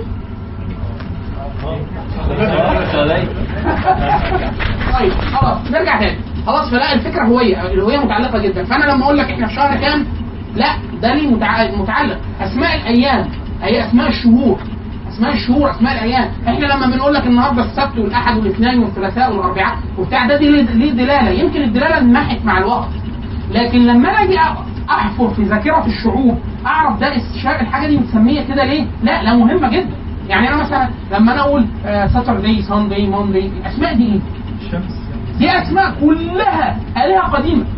Monday ده يوم القمر Sunday ده يوم الشمس. دي أيام لمعبودات قديمة. فدي كلها تسميات وثنية قديم أو أسماء اباطره يونانيين أو رومان. فلا حاجة محفورة. لما أقول لك ده شارع الباقوري ده شارع الباقلاني ده شارع أحمد بن حنبل ده شارع ده ليه دلالة. لو أنا سميت آه، محور اسمه محور آه، آه، ميشيل تيتو. جوزيف تيتو. جوزيف تيتو. مين جوزيف تيتو؟ رئيس يوغوسلافيا إيه بقى؟ لما يبقى ده ده متسمى بيه شارع يبقى إيه؟ يبقى عمل حاجة المفروض مفيدة. هل ده صحيح؟ جوزيف تيتو كان بيحكم يوغوسلافيا قتل ثلاث ارباع مليون مسلم. قالوا شيوعي لا يؤمن بالله ولا الآخر هم إيه الفايدة؟ إن هو كان دخل مع مصر في دول عدم الانحياز أيام عبد الناصر. فإحنا كان من باب التكريم عملنا شارع الاسم فده مهم آه مهم. ده اللي هو الوعي الذاكرة الجمعية بتاعت الناس. أنا ليه مسمي أحمد بن حنبل؟ أنا أحمد بن حنبل إمام من أئمة أهل السنة. أنا مسميه أبو حنيفة مسميه باسم واحد من أئمة أهل السنة. لما أنا مسميه باسم واحد آه رئيس وزراء ولا اسم رقاصة ولا اسم فنانة يبقى أنا أفهم المجتمع ده بيشوف إزاي؟ لا هيفهم يا مولانا في التاريخ. في التراث على بعضه. انت انت كشخص أنا المفروض لو التعليم مظبوط التعليم مظبوط في حاجة علم كامل في علم اللغة بندرسه اسمه ايتيمولوجي علم تاريخ الألفاظ. فأنا أعرف اللفظة دي اسمها كده ليه؟ اسمها كده ليه؟ فأنا ده بيكون تاريخ العام حتى لو مش كل واحد عارفه. فأسماء الشوارع دي من التاريخ العام. يعني أنا لو شلت اسم تاريخ كل تاريخ شارع من شوارع الأئمة دي وسميته باسم من لعيبة آه، برشلونة. ده يدل على إيه؟ واحد يقول لك مش هيدل على حاجة. ده اسم شارع هو فعلا مع الوقت. انت بتقول إيه؟ ما تيجي نروح اول عباس. ما حدش بيقول عباس عقد ومؤلف إيه وبتاع. لكن ده يدل في الاجمال على تراث وهوية ووعي وبتاع. خلاص؟ مع كل الجزئيات دي بيتكون في الآخر اللي إحنا بنسميه أحيانا الهوية أو الشخصية. سميها بقى شخصية قومية شخصية دينية شخصية أي حاجة. خلاص؟ طيب. نرجع تاني لاندونيسيا. إحنا بنقول اندونيسيا من الدول التي لم تفتح فتح عسكري تسر- تسرب إليها الإسلام وإن كان من قديم. يعني من أول خلافة عثمان بن عفان في بعض التجار المسلمين وصلوا في مصر من أول الخلفاء الراشدين لكن الإسلام ما دخلش بكتلة كبيرة عن طريق التجار والحركات الصوفية إلا من بعد القرن ال ال 14 الميلادي. يعني من 1000 من أول 1400 1500 ميلادي. ولا لا خلاص إحنا من اندونيسيا في الشرق. بس بالنسبة للشرق مين؟ الشرق مش شرق آه، مش شرق جرينتش شرق مكة. شرق شرق جزيرة العرب. اللي إحنا مكة بالنسبة لنا مركز لأن هي مركز المسلمين في كل التصورات. اللي إحنا بنحدد بيها المواقيت وبنحدد بيها الصلوات وبنحدد بيها الأشهر وبنحدد بيها كل حاجة وبنحدد بيها الشرق والغرب. لأن مكة هي بيت الحرام والبيت الحرام هو مركز كل شيء على هذا على هذه على هذا الأرض على هذه الكوكب حتى بالنسبة للملائكة. آه لا دي حد يعني آه، هو إحنا من باب الإخبار بالغيب نعلم إن البيت المعمور فوق ال- البيت ب- ب- بيت الحرام. الكيفية ما نعرفهاش لكن هذا بالإخبار من السمعيات يعني هكذا أخبر النبي صلى الله عليه وسلم. طيب إحنا قلنا الاسم التاريخي ليها إيه؟ أصلا أندونيسيا وثنيه بعد الوثنية جت حقبة الإسلام متأخرة شوية. بمجرد الإسلام ودخوله كان في بعض الإمارات والصلا- بعض الإمارات الهندية يعني الهنود اللي بيحكموا في الفلبين وفي أندونيسيا وغيرها. طبعا ما كانش اسمها الفلبين وما كانش اسمها اندونيسيا اسمها إيه؟ حضراتكم هتجيبوه بالتكليف أبو 5 جنيه المرة الجاية ده أحد الخمسات الجنيهات يعني ده على جنيه تقريبا جوه ال 5 جنيه. بس إحنا بنتعامل بالإيه؟ باللوكشة. الكرسي اللي ورا أربعة. هتشيله كله على بعضه. كده طيب. ما هو هو بس آه، إحنا المنطقة المنطقة دي اسمها كان إيه عند العرب المسلمين ده أول تكليف. خلاص بعد كده جه الإسبان البرتغاليين عدوا كده عدية خفيفة ما طولوش بعد كده جو الإسبان ما طولوش شوية برضه ليه إيه السبب؟ إن هذه الدول لما ظهرت كدول استعمارية البرتغال وإسبانيا طلعوا كدول استعمارية إسبانيا استعمرت البرتغال فالبرتغال إيه؟ تقلصت وإسبانيا ورثت كل مستعمراتها. أسبانيا بدأت تستعمر جزء كبير جدا من أمريكا اللاتينية بل خدت معظم أمريكا اللاتينية وأمريكا الوسطى وأمريكا الشمالية وخدت بدأت المناطق اللي هي في قسمه تروديسلاس اللي عملها بينهم البابا كانت إسبانيا طلعت إن هي تحتل بقية أوروبا كانت تزود الممتلكات بتاعتها وكان لديها أقوى اسطول أوروبي ع- أنا اطلقت هذا الوقت اللي هو الأرمادا حتى أحيانا في بعض التسميات الكروية يقول لك إيه الأرمادا اللي هو إيه الأرمادا؟ اللي هو الأسطول، الأسطول الإسباني كان أقوى أسطول في العالم في هذا الوقت. حظهم العكر إيه؟ إن هم حاولوا يحتلوا بريطانيا، بريطانيا كانت دولة هامشية معهاش أسطول كبير وبتاع، حظهم إن اسطول أسطولهم ما كانش كبير. فكانت آه سفن صغيرة وقراصنة وبتاع مش عارف السفن الصغيرة دي حطمت الأسطول الإسباني على بكرة ابيه بسبب ان هي صغيرة وكثيرة الكبير ده مدفع عد كده وبيضرب وأنت قاعد عارف لما واحد دولي كان اتخانق معاك وبيضرب على مستواه. قاعد كل الالامه في الهواء. انت عمال تضرب تحت في المناطق الحساسه وهو إيه؟ كل كل السفن الصغيره اغرقت كل السفن الكبيره. وكل السفن الكبيره لم تؤثر. ليه؟ انت عايز حد كبير. يضرب فيه. عارفين؟ فمش لاقي حد بحجم اضربه فخسر. المشكلة ان هذا الاسطول لم يبنى قط بعد ذلك. يعني بهذا الحجم خلاص. بريطانيا نكدت عليهم ومن ما هم يعني يشموا نفسهم كان حصل أزمتين كبار. بريطانيا شمت نفسها فعملت أسطول جمعت كل القراصنة كل القراصنة. وعملت منهم أسطول فبقي أسطول كويس. شوية اثنين إن إسبانيا كانت محتلة بلجيكا وهولندا اللي هم بيسموهم الأراضي المنخفضة في أوروبا. فالدولتين دول استقلوا وبقوا دول استعمارية. فبيهم ليهم بحرية قوية زي هولندا وبتاع فخرجوا كدول استعمارية تقللوا من حصه إسبانيا داخل أوروبا.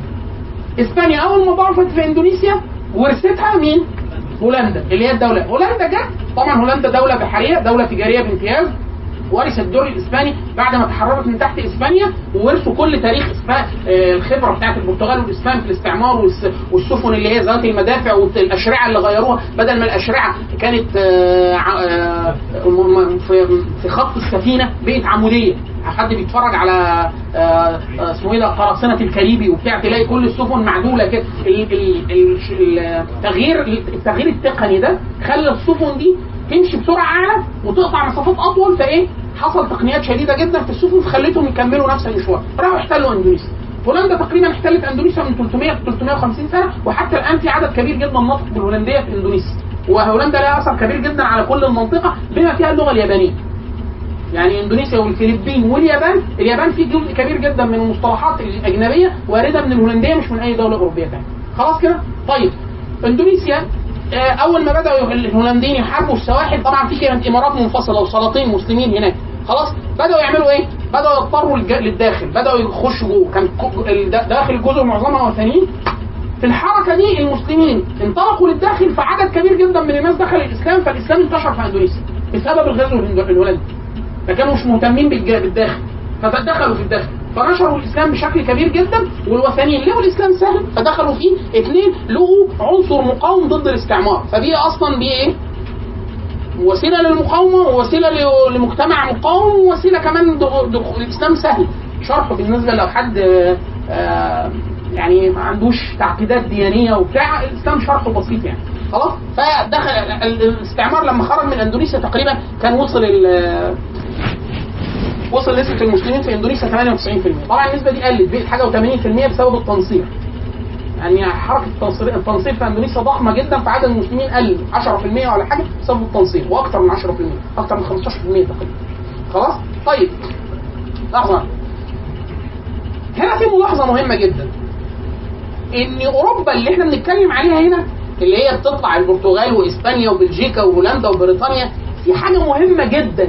جدا جدا بتحصل في أوروبا العالم الإسلامي ما يعرفهاش بل العالم كله ما يعرفهاش آه، إلا في هذا الوقت. حاجة مهمة جدا. هتغ- هتغير تقريبا آه، خريطة العالم كله السياسيه والاقتصاديه وكل حاجة. حاجتين ورا بعض جوه ورا بعض. واحد نشأة الشركات.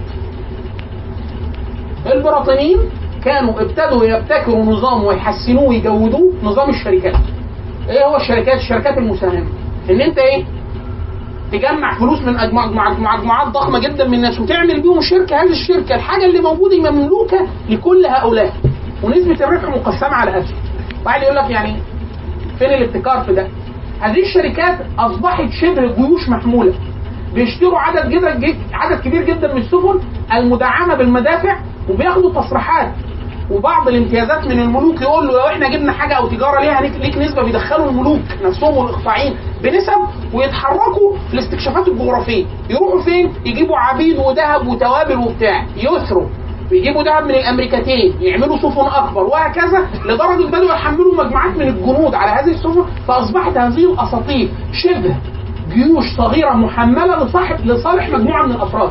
هذه الشركات تقريبا هتحتل أكثر من 60% من مساحه العالم الاسلامي منفرده بدون تدخل الدول يعني لكم أن تتخيلوا إن الهند حتى أخضعت ودخلت القوات الإنجليزية دلهي اللي هي عاصمة الإمبراطور المغول. تم القضاء على المغول وتحييد الإمبراطور وفك الامبراطوريه وتحييد الشريعة وتغيير النظام التعليمي. كل اللي عملوه دول لم تكن الحكومة البريطانية ولا حكومه التاج ده كانت شركة شركة الهند البريطانية الشرقية. أو الشركة الشرقيه الهند... الهنديه البريطانيه أساسا وحطوا الكلمات بقى بالترتيب اللي يعجبكم خلاص؟ الشركة دي شبهها بالظبط هولندا عمل الشركة الشركة الهولندية الشرقية. نفس الحكاية. الش... دي شركة. آه شركة. بس لها جيش وبتاع. وهذا الجيش وهذه السفن لها قدرة على التحرك خارج هذه الحدود ثم عقد اتفاقات ثم غزو عسكري. خلاص كده؟ طيب. شركة الهند شركة ال- الهند الهولندية الشرقية شركة الهند البريطانية الشرقية كل الشركتين دول عملوا نفوذ ضخم جدا في الهند وفي إندونيسيا. صاحب النفوذ الأكبر في إندونيسيا كانت هولندا هتقعد فترة طويلة جدا لغاية ما بريطانيا هتتوغل جدا وتبقى أقوى تصبح اقوى قوة بحرية في العالم. هتيجي تبرشط بقى على إندونيسيا. فهتنازع هولندا في هذه المساحة هتدخل أي حد ينكد عليهم هما الاثنين هيظهر كقوة استعمارية بعد 1900 حاجة و30 اللي هم اليابان هتيجي تضرب الاثنين وتحتل جزء من اندونيسيا اليابان هيبقى عمرها قصير مش هتقعد خمس سنين تقريبا ولا سبع سنين هتيجي أمريكا تضربها بقنبلتين نوويتين وتخسر الحرب العالمية الثانية ثم تنسحب. هولندا وبريطانيا هيحاولوا يرجعوا اندونيسيا ثانية مش هيقدروا المقاومة الشعبية هناك وقوات الجيش الاندونيسي الحديث التشكيل وبتاع هيطردوهم ثم تعلن اندونيسيا أول دولة مسلمة مستقلة بعد الفترة الاستعماريه عام 1947 كده إحنا بقى عندنا اندونيسيا اللي هي اللي نعرفها دلوقتي اللي هي مش الأسماء اللي أنتوا هتجيبوها المرة الجاية مش الممالك الإسلامية القديمة مش الفلبين وماليزيا وبروناي كلهم على بعض بالرغم كلهم شبه بعض ونفس الجنس. وقاعدين في حتة واحدة لا دي حتة معينة في الخريطة هي دي أندونيسيا. يعني نركز كده لح- لحظة عشان دي حاجة مهمة جدا. وكل الدول اللي استقلت. أندونيسيا فين يا عم أندونيسيا؟ في الخريطه والله يا مولانا كل الجزر اللي قدامك دي أندونيسيا بنسبة. طب والحته البيضاء دي ودي. ماليزيا. طب النقطة اللي في النص دي حتة كده بروناي كلمة بروناي دي إمارة مستقلة لها سلطان. أغنى رجل في العالم فترة طويلة جدا. السلطان حسن بقية سلطان المسلمين في إمارة بروناي دي السلطنة دي تبع ماليزيا؟ لا. تبع إندونيسيا. لا برضه. طب هو إيه الفرق؟ مش دي نفس الجزيرة؟ آه يعني مين اللي جه عد حتة كده؟ آه البريطانيين.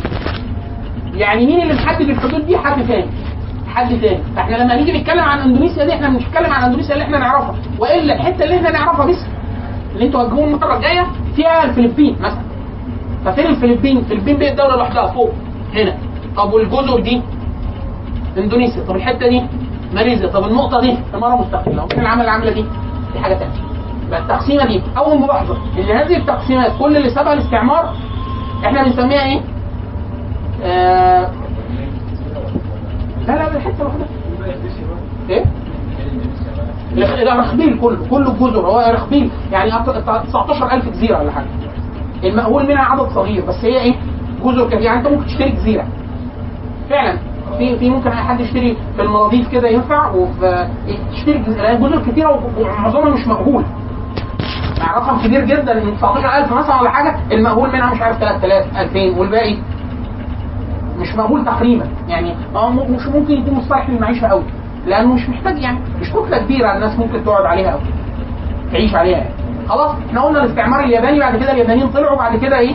آه اليابان خسرت الحرب بعد كده إعلان الاستقلال. هنا نبدأ نبدأ نسأل شوية أسئلة. الراجل المسلم الأندونيسي ده الهولنديين لما جم كانت نسبة المسلمين تقريبا آه 15% ولا حاجة الهولنديين مشوا أندونيسيا 98% مسلمين. الحمد لله. أكبر كتلة مسلمة داخل حدود دولة قومية حديثة هي إندونيسيا. حاليا يطلعوا لهم 250 مليون ولا حاجة. خلاص ده حاجة لطيفة جدا. طيب إيه الأسئلة اللي إحنا عايزين نسألها عليهم؟ نسألهم نسألها لهم يعني نطمن على وعيهم. واحد أنت مين؟ قال لك أنا إندونيسي. يعني الفلبين معاك؟ لا. ماليزيا معاك؟ لا. بروناي معاك؟ لا. طب وأنت حددت حددت ال- الانتماء ده على أساس إيه؟ ده واحد. اللي إحنا هنسميه مصطلح. في كتاب كامل باسم هذا باسم هذا المصطلح اللي هو الجماعات المتخيلة. بتاع بندكت اندرس الجماعات المتخيلة اللي هو إيه؟ أنت بتنتمي لشيء أنت اللي حاطه في دماغك. يعني أنت زي بالظبط لما واحد يقول يقول لك إيه؟ أنا أهلاوي. دي جماعة متخيلة. يعني هم مين الأهلاوية؟ يعني بيعمل إيه؟ ياكل إيه مثلا؟ يشرب إيه؟ انتماء. انتماء ما؟ هذا الانتماء ده متخيل. يعني مفيش حاجة ناس أهلاوية كده في الكون أندونيسيا ناس معينين. طب يا اخوانا الناس الاندونيس دول دول بيتكلموا أنهي لغة؟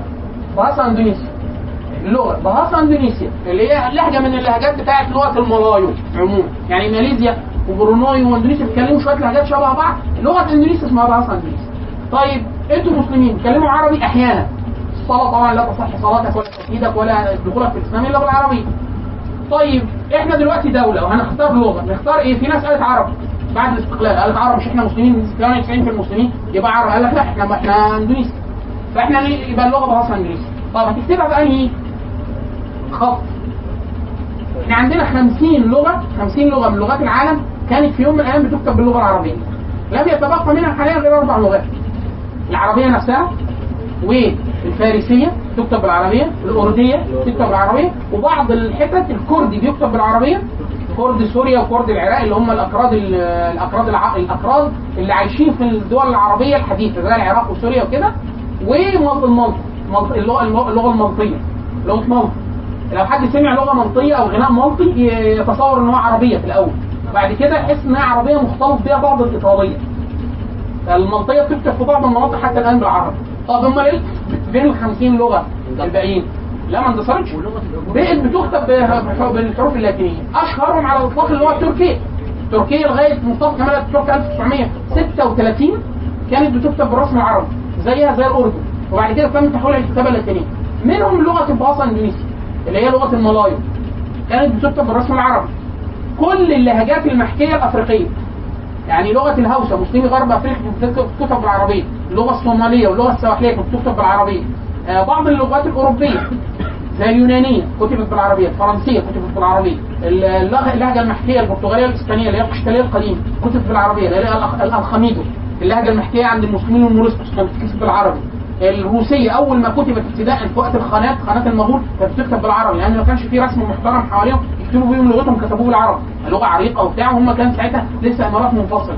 كل لغات المسلمين بتوع دول الخنات التتاريه كتبت بالعربيه الشيشانيه كتبت بالعربيه التشيطيه كتبت بالعربيه كل هذه اللهجات المحكيه كتبت بالعربيه كل هذه اللغات اما كتبت بعد كده كتبت بالروسيه أو باللاتينيه منهم الباص الروسي خلاص فقال لك لا إحنا مش هنكتبها بالعربي الأول اختيار غريب لا نكتبها باللاتيني طب ما اللاتيني ده لغه المستعمر فده علامه استفهام اثنين لغه ال- ال- ال- ال- ال- اندونيسيا دي الدولة بكم نسبة فيها وكم واحد مسلم 98% مسلم طب هي الدولة دي منهجها إيه؟ قال لك هي دولة علمانيه طبعا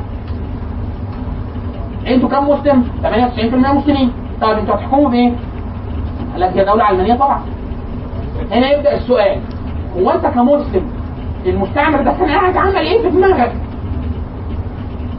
خلاص هو الإجابة دي صح صح وغلط في نفس الوقت هي صح من ناحية إن مفهوم الدولة القومية الحديثة هي دولة علمانية بالأساس. أي دولة قومية حديثة هي علمانية بالأساس. يعني إيه؟ كلمة دولة قومية حديثة يا إخوانا الناس بتستسهل. يعني يقول لك إيه؟ الدولة. كلمة دولة في العربية لا تعني بشكل أمين دولة قومية حديثة.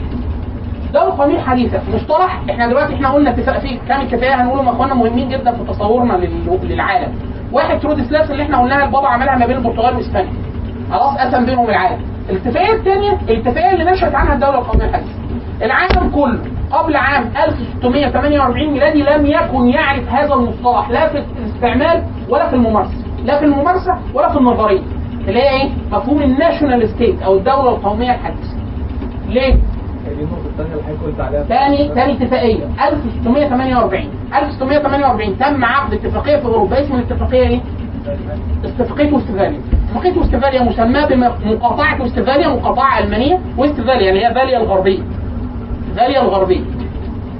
نتج عنها تفكك الإمبراطورية الرومانية المقدسة القديمة للدول اللي إحنا نعرفها دلوقتي اللي هي فرنسا وبلجيكا وهولندا وروسيا اللي بعد كده هتبقى ألمانيا وبريطانيا وإيطاليا وهذه التقسيمة العالم ما يعرفهاش في أوروبا غير بعد 1648 وهذا المفهوم للدولة القوميه الحديثة لم يظهر غير بعد صلح استفاليا ومتعلقاتها اللي هو 1648 1658 ميلادي. إيه متعلقاتها؟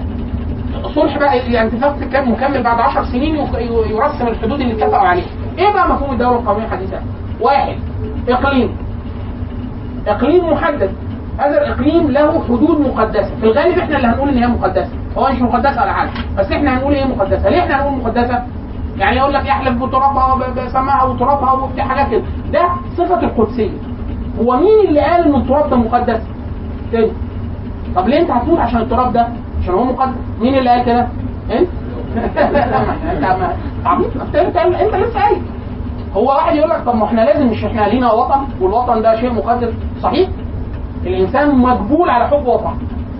الإنسان مجبول الإنسان بيحب أي حاجة هو نشأ فيها اتولد فيها. لكن مين قال إن وطنك هو ده. ده السؤال اللي هي إقليم. مين اللي قال مصر؟ أنتوا تلاقينا مثلا إحنا إحنا الحمد لله يعني كرامتنا محترمة وسط الشعوب. محدش يعرف يعايرنا ليه؟ الخريطة بتاعتنا مربع. يعني إيه؟ يعني محدش يعرف يعايرك ليه؟ خط مستقيم خط مستقيم خط ما- بحر بحر. آه.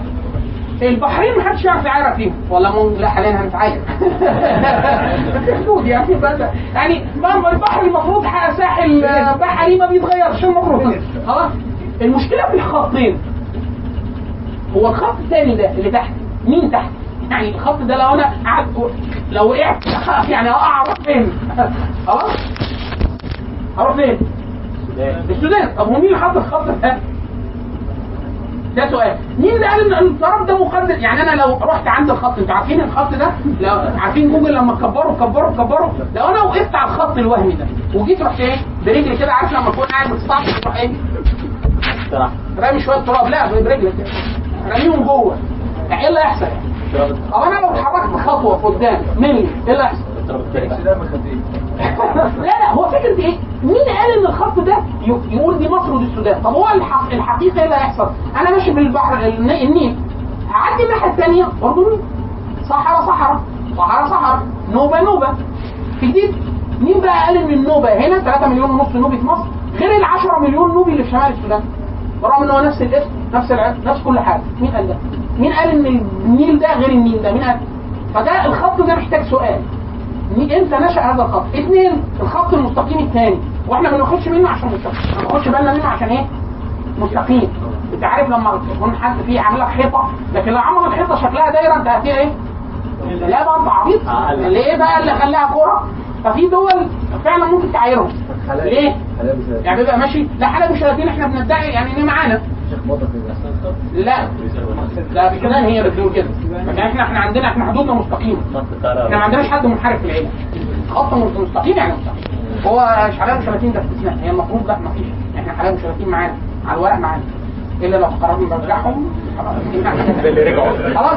الخط الثاني بتاع ليبيا برضه مستقيم. طب هنا دي صحراء صحراء بحر الرمال بحر الرمال بحر الرمال ولاد علي ولاد علي. مفيش حاجة. بحر متوسط بحر متوسط. مين بقى اللي قسم القسمه دي؟ ما نعرفش برضه. في دول لا انت تشك. ليه؟ يعني انت مثلا تحس إن عارفين مهندس لما تجيب مسطره تي سنه 45 ضارب ضارب دي مصر. في دولة تحس واحد جاب كان عنده مش عنده شلل رعاش مسك القلم بالذات في أفريقيا في النص. يا ضيف ما تلاقيه إيه؟ حتة كده وتمشي مش تاني. إيه يعني؟ إيه اللي حصل؟ أصل أنت إيه؟ أنت لازم كل يعني أنت قسمتهم على معيار أكيد. إيه بقى دي؟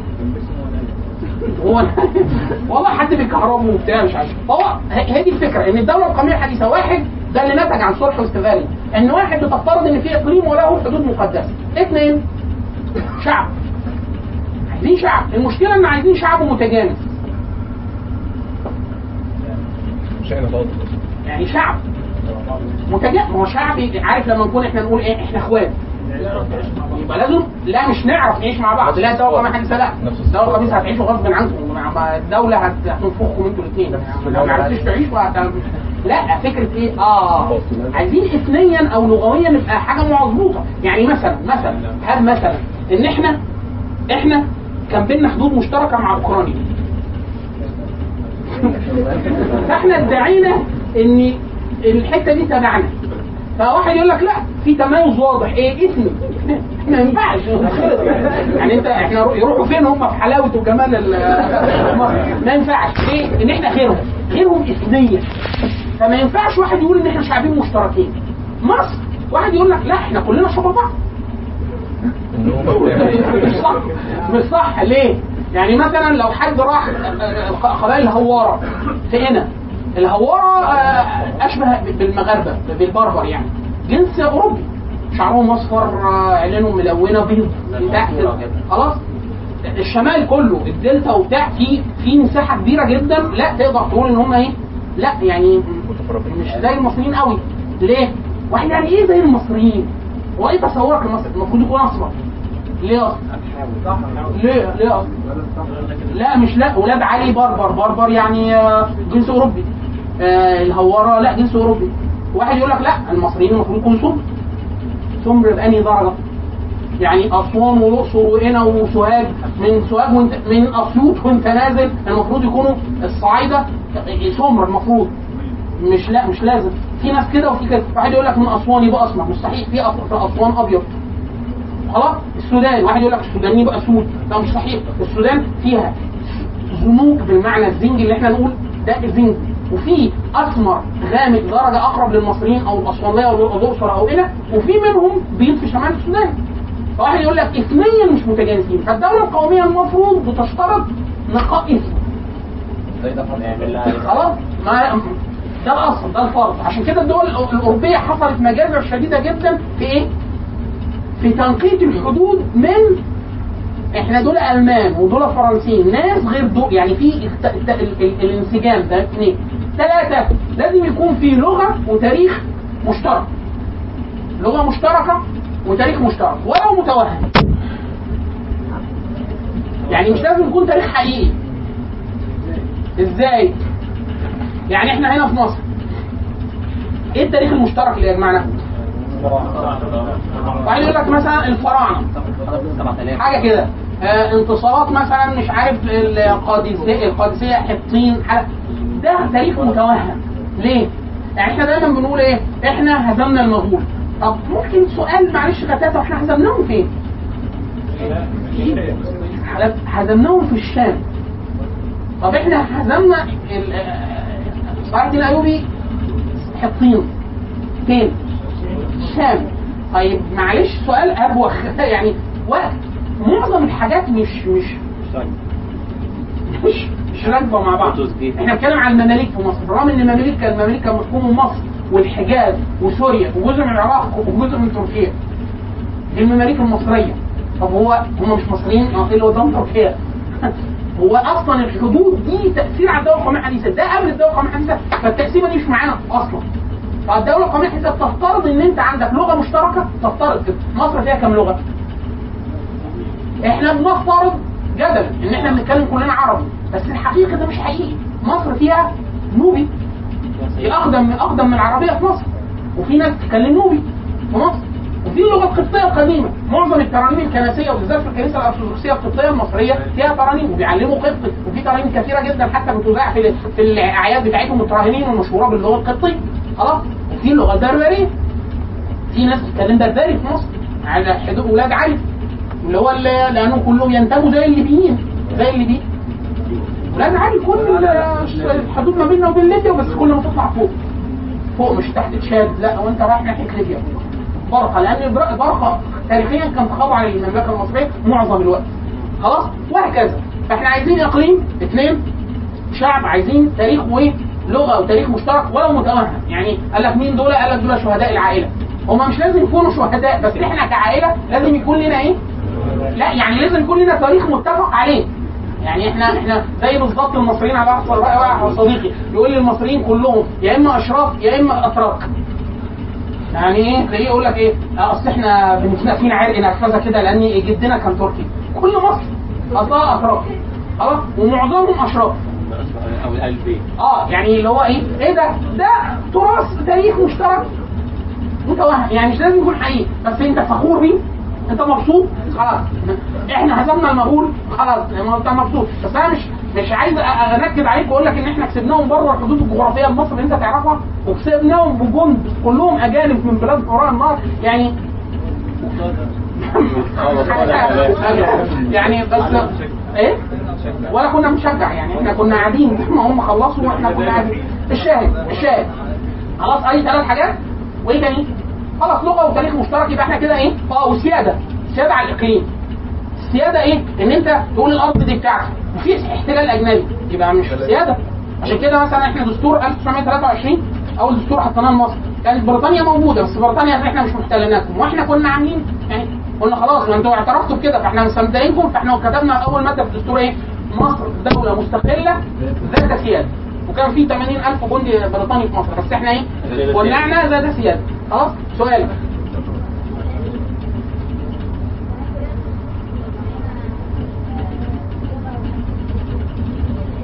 ده التصور بتاع الدولة القوميه الحديثة ده التصور المثالي المثالي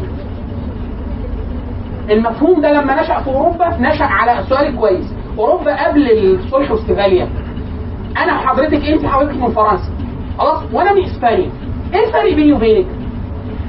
أنت لسه ما بتقولوش على نفسك إن أنت من فرنسا لأن مفيش حاجة اسمها فرنسا. في حاجة اسمها ملك اللي في حتة اسمها فرنسا والملك نفسه مش من فرنسا وما بيتكلمش فرنساوي في الغالب. خلاص؟ واسبانيا نفس الحكاية. وأنا وانتي بنتكلم في الاصل لاتيني. بس انت اللهجة المحكية بتاعتك هي بقت الفرنساوية بعدين. وأنا اللهجة المحكية بتاعتي الاسبانيه اللي هما الاثنين لاتيني بس مكسر. زي بالظبط لما واحد شامي قابل واحد مصري ويقعدوا مع واحد مغربي. الكلام بيبقى يعني إحنا بنكون يعني إيه؟ بنقول كلام شبه بعض وفاهمين معظم الكلام ما عدا المغرب بس إيه؟ كلها جاية من من من العربية الفصحى في الأصل. تخيل تخيلي دول إن هم قرروا إن ينفصلوا عن بعض. فننفصل ليه؟ أنا وانت كاثوليك وإحنا الاثنين بنتكلم لاتيني في الأصل وإحنا الاثنين جغرافيا جنب بعض. شوفي انت دي, دي مبررات منفصل واحد قال لك لا لا راح. واحد سيادة. لو الملك ده غير الملك ده وبيمارس سيادة على جزء آه يبقى لازم يكون في جزء محدد. هتمارس فيه إيه؟ سيادتك عن الملك ده ما هو البابا هيجي يفصل إيه الخناقة؟ ما الخناقة عايزة حد فقال لك حددوا الحدود اللي هتمارسوا فيها السيادة. واحد يقول لك طب وإحنا بعد ما نمارس السيادة إيه الفرق بين اللي عندك واللي عندي؟ قال له لا في فرق. انت طب ما إحنا الإنجيل واحد لا مش واحد. أنتوا مذهب وإحنا مذهب. وأنت تترجم الإنجيل بلغتك المحلية وأنا أترجم الإنجيل بلغتي المحلية. عشان كده مفيش إنجيل باللاتيني حاليا. في إنجيل بالفرنساوي وفي إنجيل بالإسباني وفي إنجيل بالإيطالي. فهذه العوامل هي اللي شكلت الدولة القومية الحديثة لاسباب وقتها كانت أسباب انفصال سياسي فلازم يبقى متميز. فأنا ما أقسمهاش وبعد كده نكون إحنا الاثنين بنتكلم نفس اللغة يبقى ما حدش يتكلم لاتيني ولا يالف باللاتيني ألف باللهجة المحكيه ولا الكتاب المقدس. طب والمذهب؟ أنتوا كاثوليك إحنا بروتستانت طب إحنا بروتستانت إحنا لوثريين وأنتوا كالفينيين. طب إحنا الاثنين؟ طب إحنا بريطانيا جنبكم؟ لا إحنا أنجليكانيين. الكنيسة الإنجيلية المحلية بتاعت بريطانيا. التقسيمات دي عملت لهم تقسيمات مذهبية ولغوية بتاع فلازم يبقى كمان في تقسيم اثني يعني إحنا فرنساويين غيركم أنتوا اسبان إحنا مختلفين غير الألمان غير البريطانيين. التقسيمه دي هتعمل شوية تقسيمات متخيلة. اللي هي بعدين لما يصدر هذا المفاهيم لدول تانية الدول دي عارفة الواحد حافظ مش فاهم؟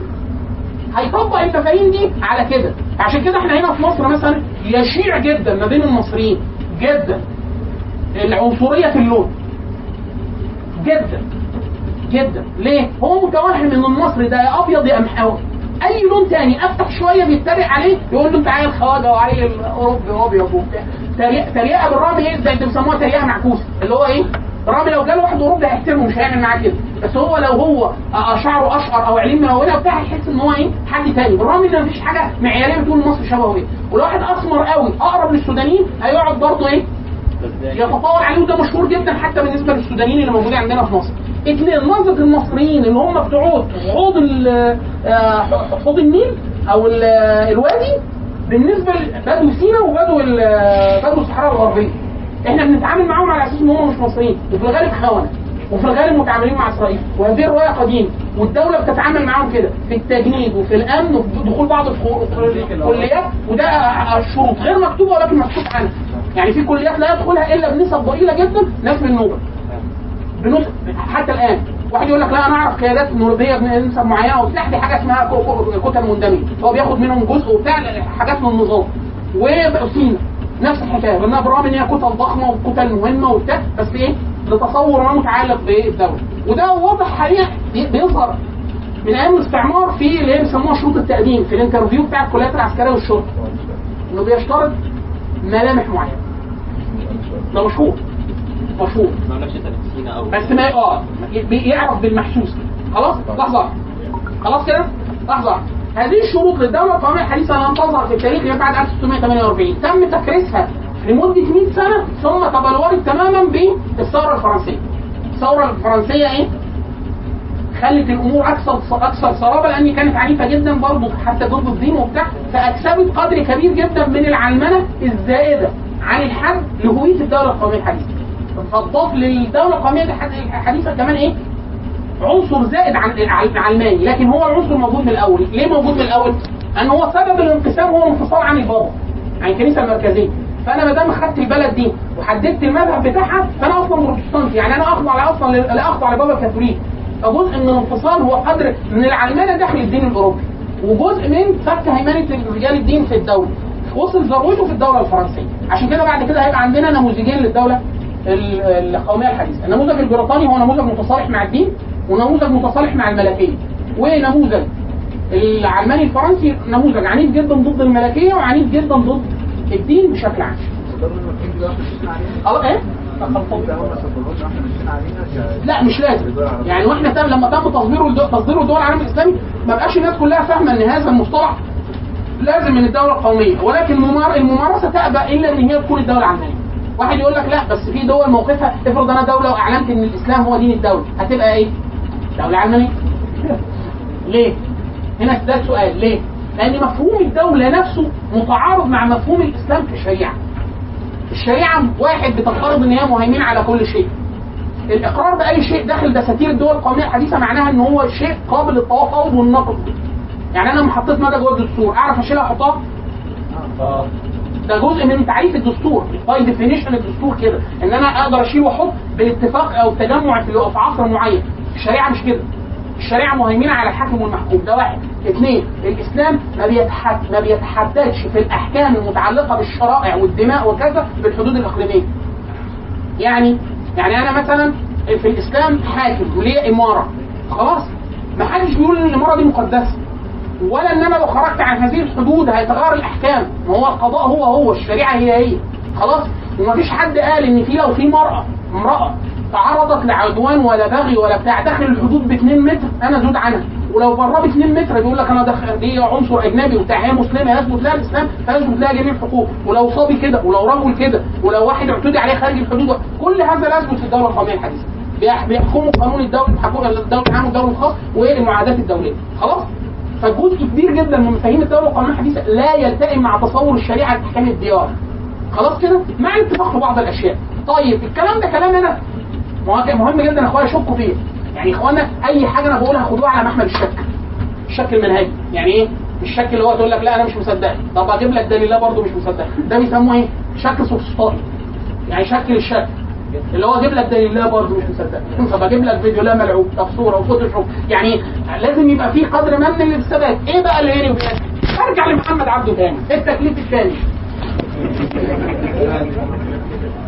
الشيخ محمد عبده كان مفتي الديار المصري. فظهر لما الدول ال- الأوروبية احتلت مصر في هذا الوقت بدأ يظهر مفهوم الجنسية. ما الدولة القوميه الحديثه جت جه مفهوم الجنسية.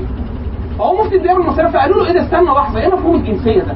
خلاص فراح أصدر فتوى وهو مفتي الديار المصرية. الكلام ده سنة كام يا مولانا؟ 1909 يعني إيه؟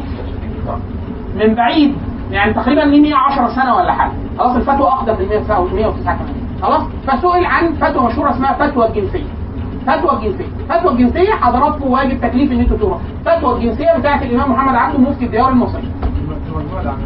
موجودة في مجموع الأعمال وأنت لو كان إحنا بنرفعهم برضو على المجموعة ولو إيه؟ لا ما كل كل الحاجات مرفوعة في الملفات على المجموعه آه. طب ماشي أي حد ما دام اترفعت خلاص الوثيقة موجودة. آه تاني حاجة جوجل. لو أنت قلت له قلت له فتوى الدائرة المصرية هيجيبها لك. لو كتبت عليه آثار محمد علي في مصر هيجيبه لك. يعني آه ففتوى الجنسية فتوى الجنسية للإمام محمد عبده فتوى مهمة جدا لأن ميزتها إن هي اتكتبت بدري قوي. أول ما العالم الإسلامي بدأ يعرض عليه مفهوم الدولة القومية الحديثه فالفتوى مهمة جدا.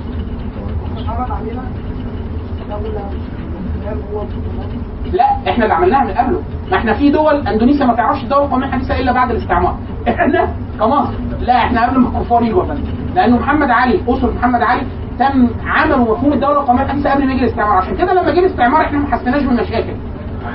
يعني هو جه ما غيرش حاجة أساسية. ده هو جه على المؤسسات اللي كانت موجودة. لأن هذه المؤسسات هي مؤسسات الدولة القومية الحديثه يعني هو جه جه نظام التعليم ليه نظامي وليه نظام الجيش نظامي وليه نظام الأوقاف مضمون للدولة؟ طبيعي. خدوا يعني فاهم يعني هو ما مش فكرة الاختلاف. فكرة إن الدولة القوميه الحديثه هذه المؤسسات المركزية بهذه الطريقة. لو واحد عايز يفهم إيه أصول الدولة القومية الحديثة في أوروبا عشان يفهم إيه اللي كان قبل وبعد في كتاب لوحده اسمه بلاشير. بلاشير. واحد أجنبي. أجنبي بلاشير آه. اسم الكتاب الأصول الوسيطة للدولة الحديثة. الأصول الوسيطة للدولة الحديثة. بيحكي من أول 1200 لغاية 1400 في أوروبا تشكل الدولة القومية الحديثة في بريطانيا كان شكله إيه؟ تشكل الدولة القومية الحديثة في فرنسا شكله إيه؟ عشان طلع كده بعد كده طلع لنا النموذجين دول. طب الأصول الوسيطة للدولة الحديثة. وموجود بي دي اف لحظة طب لو واحد عايز يعمل مقارنة ما بين مفهوم الدولة القومية الحديثة في فرنسا ومفهوم الدولة القومية الحديثة في بريطانيا ومفهوم الدولة في الإسلام أو مفهوم السلطة السياسية في الإسلام يقرأ إيه؟ إحنا ما بن- ما نحلش على مسلمين ابدا يا مولانا. واحد كافر برضه ال- ال- ال- الأستاذ العلوم السياسية بيرتران بادي. هو اسمه بيرتران باديع. بس هو فرنسي فما بينطقوش الاسم. اسمه بيرتران يعني بيرتراند.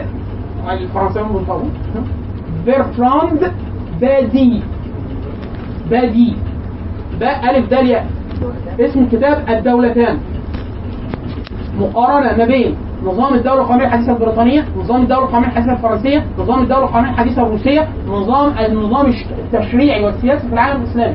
هو راجل لا من ديني ولا من دينك، راجل مش مسلم، بيقول لا يلتئم اسم الكتاب الدولتان، المؤلف اسمه بيرتران بادي، ليه كذا طبعة، إخواننا في دا- في مدارات في دار مدارات طبعوه طبعة تاني، عاوز يصفوا كده طبعوه تاني.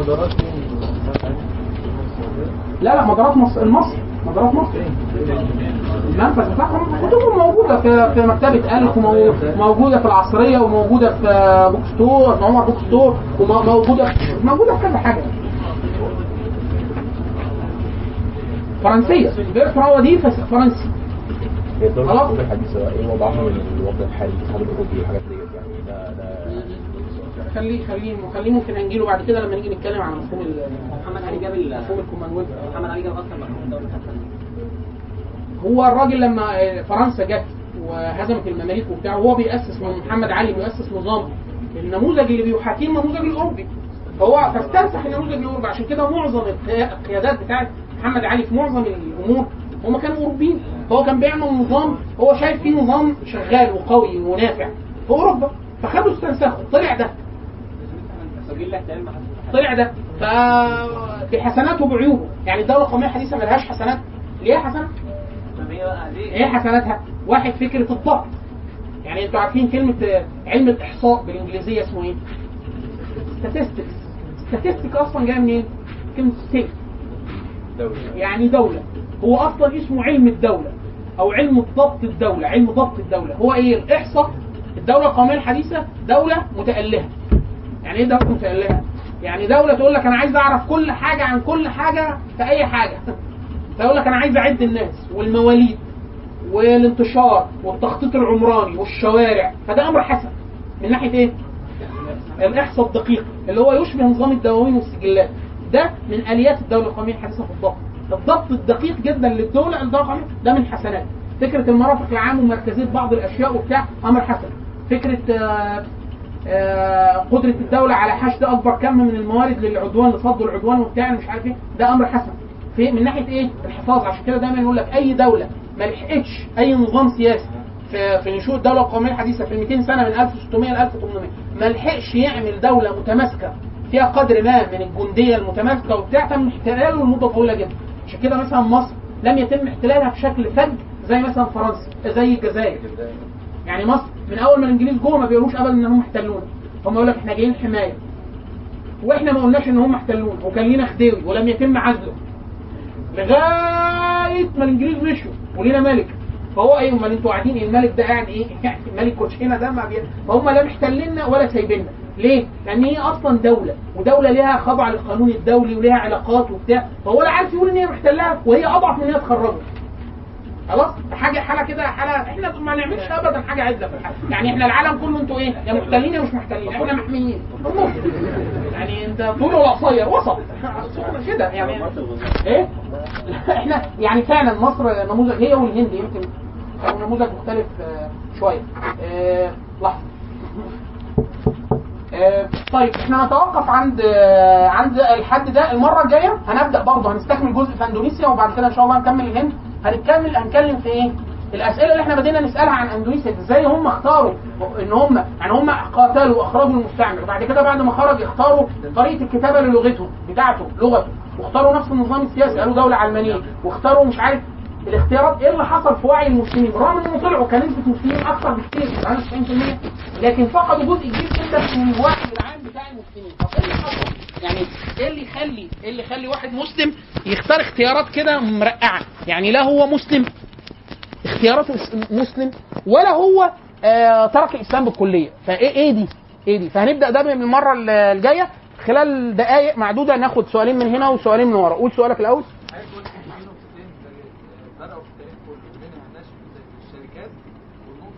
نشأة الشركات ثم تلتها الدولة القومية الحديثة. النقطتين اللي غيروا تاريخ أوروبا وتاريخ العالم واحد نشأة الشركات لأن هي بعد كده أول غيرت النظام الاقتصادي من ثم غيرت نظام الحكم في أوروبا. الشركات هي اللي عملت ضغط شديد جدا. الشركات دي كونتها حاجة من هنسميها بعدين الطبقة البرجوازية. ن- نشوء الطبقة البرجوازية في أوروبا هو ده تمثل في الشركات. الشركات غيرت النظام السياسي وأثرت على الدين ومن ثم أطلقت القوى الاستعمارية ومن ثم غيرت خريطة العالم بعد كده. فهم حاجتين الشركات والدولة القومية الحديثة. قول سؤالك هجيلك بالنسبة لفكره ال- فكره الدولة الحديثه نقطة إن الشعب مشترك والتاريخ مشترك محاولة ده. كل الناس نجحت تعمل ده لا. العولمة ما كانش ليها دور لا الع- العولمة دلوقتي جت فكت الدول القومية الحديثة لصالح الشركات. مفيش حاجة اسمها دولة دلوقتي. في حاجة اسمها قوات آه، حفظ أمن قوات فض شغب بتاع. لكن اللي بيحكم العالم حاليا وحدة أكبر من الدولة اللي هي الشركة. حتى مع وجود الحدود دي يا- مولانا الحدود دي تم كلها إلغائها وتجميدها بال بالاقتصاد. يعني هنا حد شغال في شركة مالتي ناشونال هنا؟ من اللي قاعدين. اللي بيحكمك القانون المصري ولا قانون الشركة؟ قانون الشركة قطعا. طب هو إزاي قانون الشركة اللي هي قانون أمريكي بيحكم شركة داخل ال... حتى في القانون يقول لك دي شرخ أو خدش اللي بيسموه السيادة. مفهوم السيادة في القانون. أنت حاليا السيادة إن أنت في, في القانون تعريف الدولة by definition إن أنت مالك للأرض وما تحت الأرض والبحر وما تحت البحر والسماء. خلاص؟ والسماء. حاليا جوجل جوجل وأي شركة بس إنترنت وأي حاجة زي كده ده السماء ومعدي فيه كابلات وقرايل هو مالك كل حاجة حتى الهواء. هو اللي بيحكم الرسائل اللي تبث للناس هو اللي بيحكم إيه إيه اللي مواقع النت اللي تجيلك وإيه اللي ما تجيلكش هو اللي هو اللي بيحدد كل هو اللي بيحدد قيمة عملتك. فهو ما فيش دو هو على الحقيقة ده هنقوله بعدين إن إحنا عند وقت معين تقريبا ما فيش وحدة اسمها الدولة موجودة اسميه اللي موجود حاليا اللي هو إيه؟ الحاجتين اللي نشأوا مع بعض الشركة جابت الدولة بعد كده حاليا الشركات فكت الدولة لصالح الشركات فحاليا اللي بيحكم العالم على الحقيقة هو الشركات إحنا حاليا بيسموه عصر ما بعد الدولة القومية الحديثة. إيه؟ حضرتك اسمك إيه؟ أحمد؟ كلية إيه؟ كلية صيدلة. سعر الدواء في مصر مين اللي بيحدده؟ مين اللي بيحدد؟ مين؟ مصر هنا. نقدر نعمل دواء؟ نقدر نصنعه؟ لا. الدواء مولانا يعني مش إن إحنا نجيب المادة ونكونها نحطها جوه الكبسولة هنا. إن إحنا نعمل أبحاث من من إيه؟ من يعني من الصفر للنهاية إن إحنا نعمل ده بيتعمل كده؟ محدش يقدر يعمله ليه؟ لأن في اتفاقيات دول دول معينة هي اللي بتعمله. مين اللي بيحدد ده؟ شركات الدواء. خلاص؟ وهكذا. لما مين اللي بيحدد إن الدواء ده ممنوع في النشرة ومش ممنوع؟ بره. مين اللي بيحدده؟ في الغالب مش مش حكومة بعينها هي شركة بس شركات الدواء. خلاص؟ نفس الحكاية. مين اللي بيحدد؟ آه مثلا آه أي حاجة أي حاجة في الغالب في الآخر اللي بيحددها شركة من الشركات. يعني إحنا مثلا أنتوا عارفين إن إحنا بنحدد إيه السلع اللي تدخل وتخرج. أي دولة من باب السيادة اللي هي الس- السياسات الإحمائية الحمائيه عذرا. خلاص حاليا إحنا مثلا مصر بيننا وبين إسرائيل مثلا اتفاقية. كويس مثلا. وبعد كده في اتفاقية اسمها اتفاقية الجات ومش في جزء دخ- يخش ويطلع مش إحنا دلوقتي الدولة اللي بتاخد هذا القرار حد تاني. حد تاني. القانون. القانون. القانون بتاع الشركات. شركات multinational. أي شركة multinational يقول لك ممنوع الكلام في السياسة والدين وبتاع بالرغم إن قانون الدولة لا يجرمه ولا يمنعه. ومن جزء من تعريف القانون إنه يسود ولا يسود يعني يهيمن ولا يهيمن عليه. جزء من تعريف القانون إن هو أعلى سلطة مطلقة موجودة هذه الدولة. لو حاجة أعلى منه يبقى هو فقط جزء السيادة. أي شركة شركة مالتي ناشونال بيقول لك ممنوع تتكلم في الدين أو في العرق أو في أي شيء. هذا أشياء غير مجرمة في القانون المصري يعني الكلام في الدين لا مجرمة تصدق. حاجة تانية غير الكلام في الدين. يعني الكلام في السياسة بتصدق مجرم؟ لا يبقى القانون المصري هو اللي سائد جوه. قول سؤالك. حضرتك قلت إن محمد علي كان مش أنا اللي قلت. عباس حلمي باشا حفيد محمد علي اللي قال إن هو حذاء في آه، أقدام القناصه الأوروبية مهم سنه سنه 40 حلو. إيه؟ عمل عليه معاهده لندن 1840 لأن هو كان هيغير خريطة الموازين القوى مع الدولة العثمانية. محمد علي كان بينه وبين إسطنبول 15 30 كيلو ولا حاجة. قائد الأسطول العثماني سلم نفسه للجيش المصري في آه، المعركة ما بين جيش إبراهيم باشا والدولة العثمانية. إحنا كسبناهم في البر. فجيش محمد علي كان جيشه هيخش الدولة العثمانية. لو دخل وهو محمد علي عمل كل اللي عمله في مصر ده وعمل أسطول وضربوا له عملوه تاني واحتل مش عارف إيه وراح كل ده بإمكانيات مصر. تخيل لو هو راح استق... خد الدولة العثمانية وخد كل القرارات العسكرية اللي عملها دي في كل أنحاء الدولة العثمانية. فاوروبا تفضل إن هي تجابه الدولة العثمانية بالضعف ده ولا يجي لها محمد علي وإبراهيم باشا؟ ياخد كل مقدرات الدولة العثمانية يعني ياخد العراق وسوريا وبتاع. قال لك لا. الدولة العثمانية بالضعف ده أحسن فإحنا نضرب محمد علي ونضعف ده فاما أضعفنا الاثنين لصالح الدولة الأوروبية فكانت اتفاقية 1840 لتقييد محمد علي وتحجيمه في مصر عشان كده كان جزء من شروطها واحد إن هو يقلل الجيش من 180000 ل 18000 اثنين يمتنع عن واحد اثنين ثلاثة أربعة أربعة شوية حاجات كتير إيه السبب؟ عشان ما يعملش كده تاني عشان المحافظة على اتزان القوى اللي كانوا عاملينه مع الدولة العثمانية. أسئلة من الفتاة ليكوا ثلاث أسئلة. سؤالك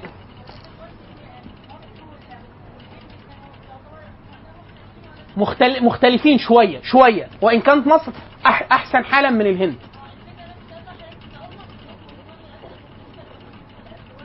نفته بهادر شاه احتل قتل ولاده. صحيح. أحسن حالا ليه من الهند؟ أنا بقول لك شوية. مثلا الهند نظامها لو انت تعرفي نظام الهند نظام شبه كونفدرالي. يعني مش حكومة مركزية لا دي إمارات كبيرة جدا جدا. فكان الهند لما دخلت لما حتى أسقطت بهادر شاه اللي هو إمبراطور المغول بقوا بيحكموا دلهي طيب موليبار طيب آه، البنجاب طيب مش عارف بن- البنغال طب مش عارف إيه. مساحة كبيرة جدا مش كانت أصلا خاضعة ليه وليها جيوشها منفصلة ومواردها. فكانوا بيتعاملوا إيه؟ كل حتة لوحدها شوية فما كانش فيه النفوذ. اتنين اللي كان داخل اللي بيتعامل معاهم كانت الشركة. إحنا هنا اللي دخل لنا الدولة. الهند دخل لها الشركة. فكانت الشركة برضو لسه مش بالقدرة الضخمة. بعد 50 سنة يعني الهند بريطانيا أول معركة كبرى كسبتها في الهند هنجي لها 1757 بليسي 1803 دخلوا دلهي يعني بعد 60 سنة. 1858 استقر لهم الحكم لما خلاص التاج بيحكم الهند. إحنا من أول يوم إحنا تحت حكا... تحت حما- تحت حماية التاج البريطاني. ففي اختلافين شوية في النموذج. خلى الهند ومصر يتشابهوا في المحصلة النهائية. إن أثر يعني مثلا فرنسا في الجزائر. قتلوا كمية ناس مهولة. بريطانيا ما قتلتلهاش 5000 مصري في- في الس- 75 سنة اللي قعدتهم. ما ما لم تتحكم في كل الموارد. آه، لم تعزل الأمير الامير أو الخديوي لم تغير اللغة. لم تغير نظام التعليم بشكل مركزي. خلاص مصر لا. آه، فضل إحنا مش عارفين نفرق بين ال B وال P لغاية دلوقتي. الإنجليز ما إحنا طالعين سلامة. فرنسا الجزائر كله ما ضرب. العربي عندهم آه، باظ خالص.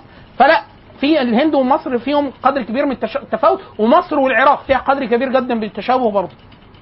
أسئلة برضه ليكوا أسئلة. ما لكمش أسئلة هنديهم للشباب. حد عنده أسئلة؟ سؤالك.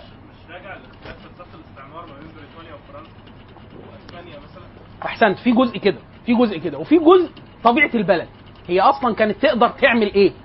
فهم جايين على دولة حديثة برضه. يعني الجزائر ما كانش جاي على دولة حديثة. إحنا جايين على دولة حديثة. يعني في نظام آه، نظام تجارة مستقر ونظام عملة ونظام قضائي ومش يعني هو جاي على مساحة مش بال مش بقدر الميوعة اللي كانت مثلا في الجزائر. ده نفعه وضره في حاجات. نفعه جدا إن هو إيه؟ اسس نظام أمني مثلا كله تحته مصريين والقائد إنجليزي ف يعني هو النظام موجود زي مثلا في الآخر لما صب معانا في القلم السياسي وبتاع كان بريطانيا اللي بتدير بس مين اللي بي بيتلقى الأوامر المصريين وهكذا يعني. فا آه نظام الاستعمار فرنسا عن غير بريطانيا الفرنسيين أغشى والبريطانيين أكثر تاثيرا. بريطانيا slow but sure أيوه بطيء جدا. قول سؤالك قبل نشأة الدولة القومية الحديثة حكم المسلم كان بيمارس السياسة على حدود ولا كان بيمارسها على إيه؟ على مكان يعني لا الحاكم المسلم كان بلطجي. واحد لما كان الحاكم زمان كان في خليفة مثلا خليفة الأموي مثلا أو خليفة راشد تقول له فين حدودك؟ مفيش حاجة اسمها حدودي. أينما بلغ أينما بلغت قدرته هو خلاص دي متابعه فعمال يضم يعني بتاع بنو أمية ده بيحكم الأندلس بتاع إيه بقى؟ ده لا إقليم ولا لغة ولا ديانة ولا تراث مشترك ولا أي حاجة مشتركة من الإقليم خالص. بس راح ليه؟ بقوه الديانة. يعني هو حكم الدين اداله قدرة الجهاد والجهاد رايح ليه؟ عشان آه، يرفع الظلم عن الناس ويعرض الناس على الإسلام. عرض عليهم الإسلام عدد كبير منهم دخل في الإسلام لدرجة إن هذه البلاد بعد 800 سنة تحولت بالكلية للإسلام. ده بقوة الشريعة. خلاص؟ طب إيه الفرق بين القضاء في, في الأندلس والقضاء في الحجاز؟ ده مالكي وده مالكي. يعني شوفوا الفرق مهول جدا. إيه الفرق؟ ولا حاجة. إيه الفرق بين ما ده عشان كده إحنا بنقول الدولة القومية الحديثة أو الامير تصوراتهم عن الكون مختلفة. النبي صلى الله عليه وسلم كتير جدا من المعاصرين يقول لك النبي أسس دولة في المدينة. النبي صلى الله عليه وسلم أسس نظام سياسي في المدينة. مش مش دولة مش national state ليه؟ فين حدود النبي؟ مش موجودة. فين ال... فين التجانس؟ النبي كان معاه وثنيين ويهود ونصارى ومسلمين. طيب فين حدوده؟ إحنا مفيش حدود ده كان راح غزا مكة وراح ضرب اليهود في خيبر بعد كده راح بعد تبوك ومش عارف فين بقى حدود فين حدود أبو بكر اللي هو خليفة النبي صلى الله عليه وسلم آه، حدود آه، يعني في في آه، باعد قوات من أيام عمر بن الخطاب في إقليم برقة وشوية في آسيا الصغرى وشوية في السند وهو في المدينة باعتهم ليه؟ ده عشان قانون تاني خالص مش متعلق بتصور الدولة القومية الحديثة، الدولة القومية الحديثة مفهوم مختلف تماما، المسلمين لما بي في التاريخ المعاصر للأسف عشان إحنا كلنا مواليد اتولدنا في الدولة القومية الحديثة، لما تقروا فتوى محمد عبده هتحسوا بالفرق، محمد عبده اتولد مش في دولة قومية حديثة قوي. ولسه مفهوم الجنسية ما كانش تم توطينه في العالم الإسلامي. وهو فقيه على قديمه. فقال له يا حبيبي ما أنا مش عايز أحرق عليكم الفتوى بس قال له قال له هذه هي العصبية التي نهى عنها النبي صلى الله عليه وسلم في قول النبي صلى الله عليه وسلم ليس منا من دعا إلى عصبية. قال له كلام يعني لو واحد قاله دلوقتي يقول لك ده متطرف. بالرغم ان اللي قايل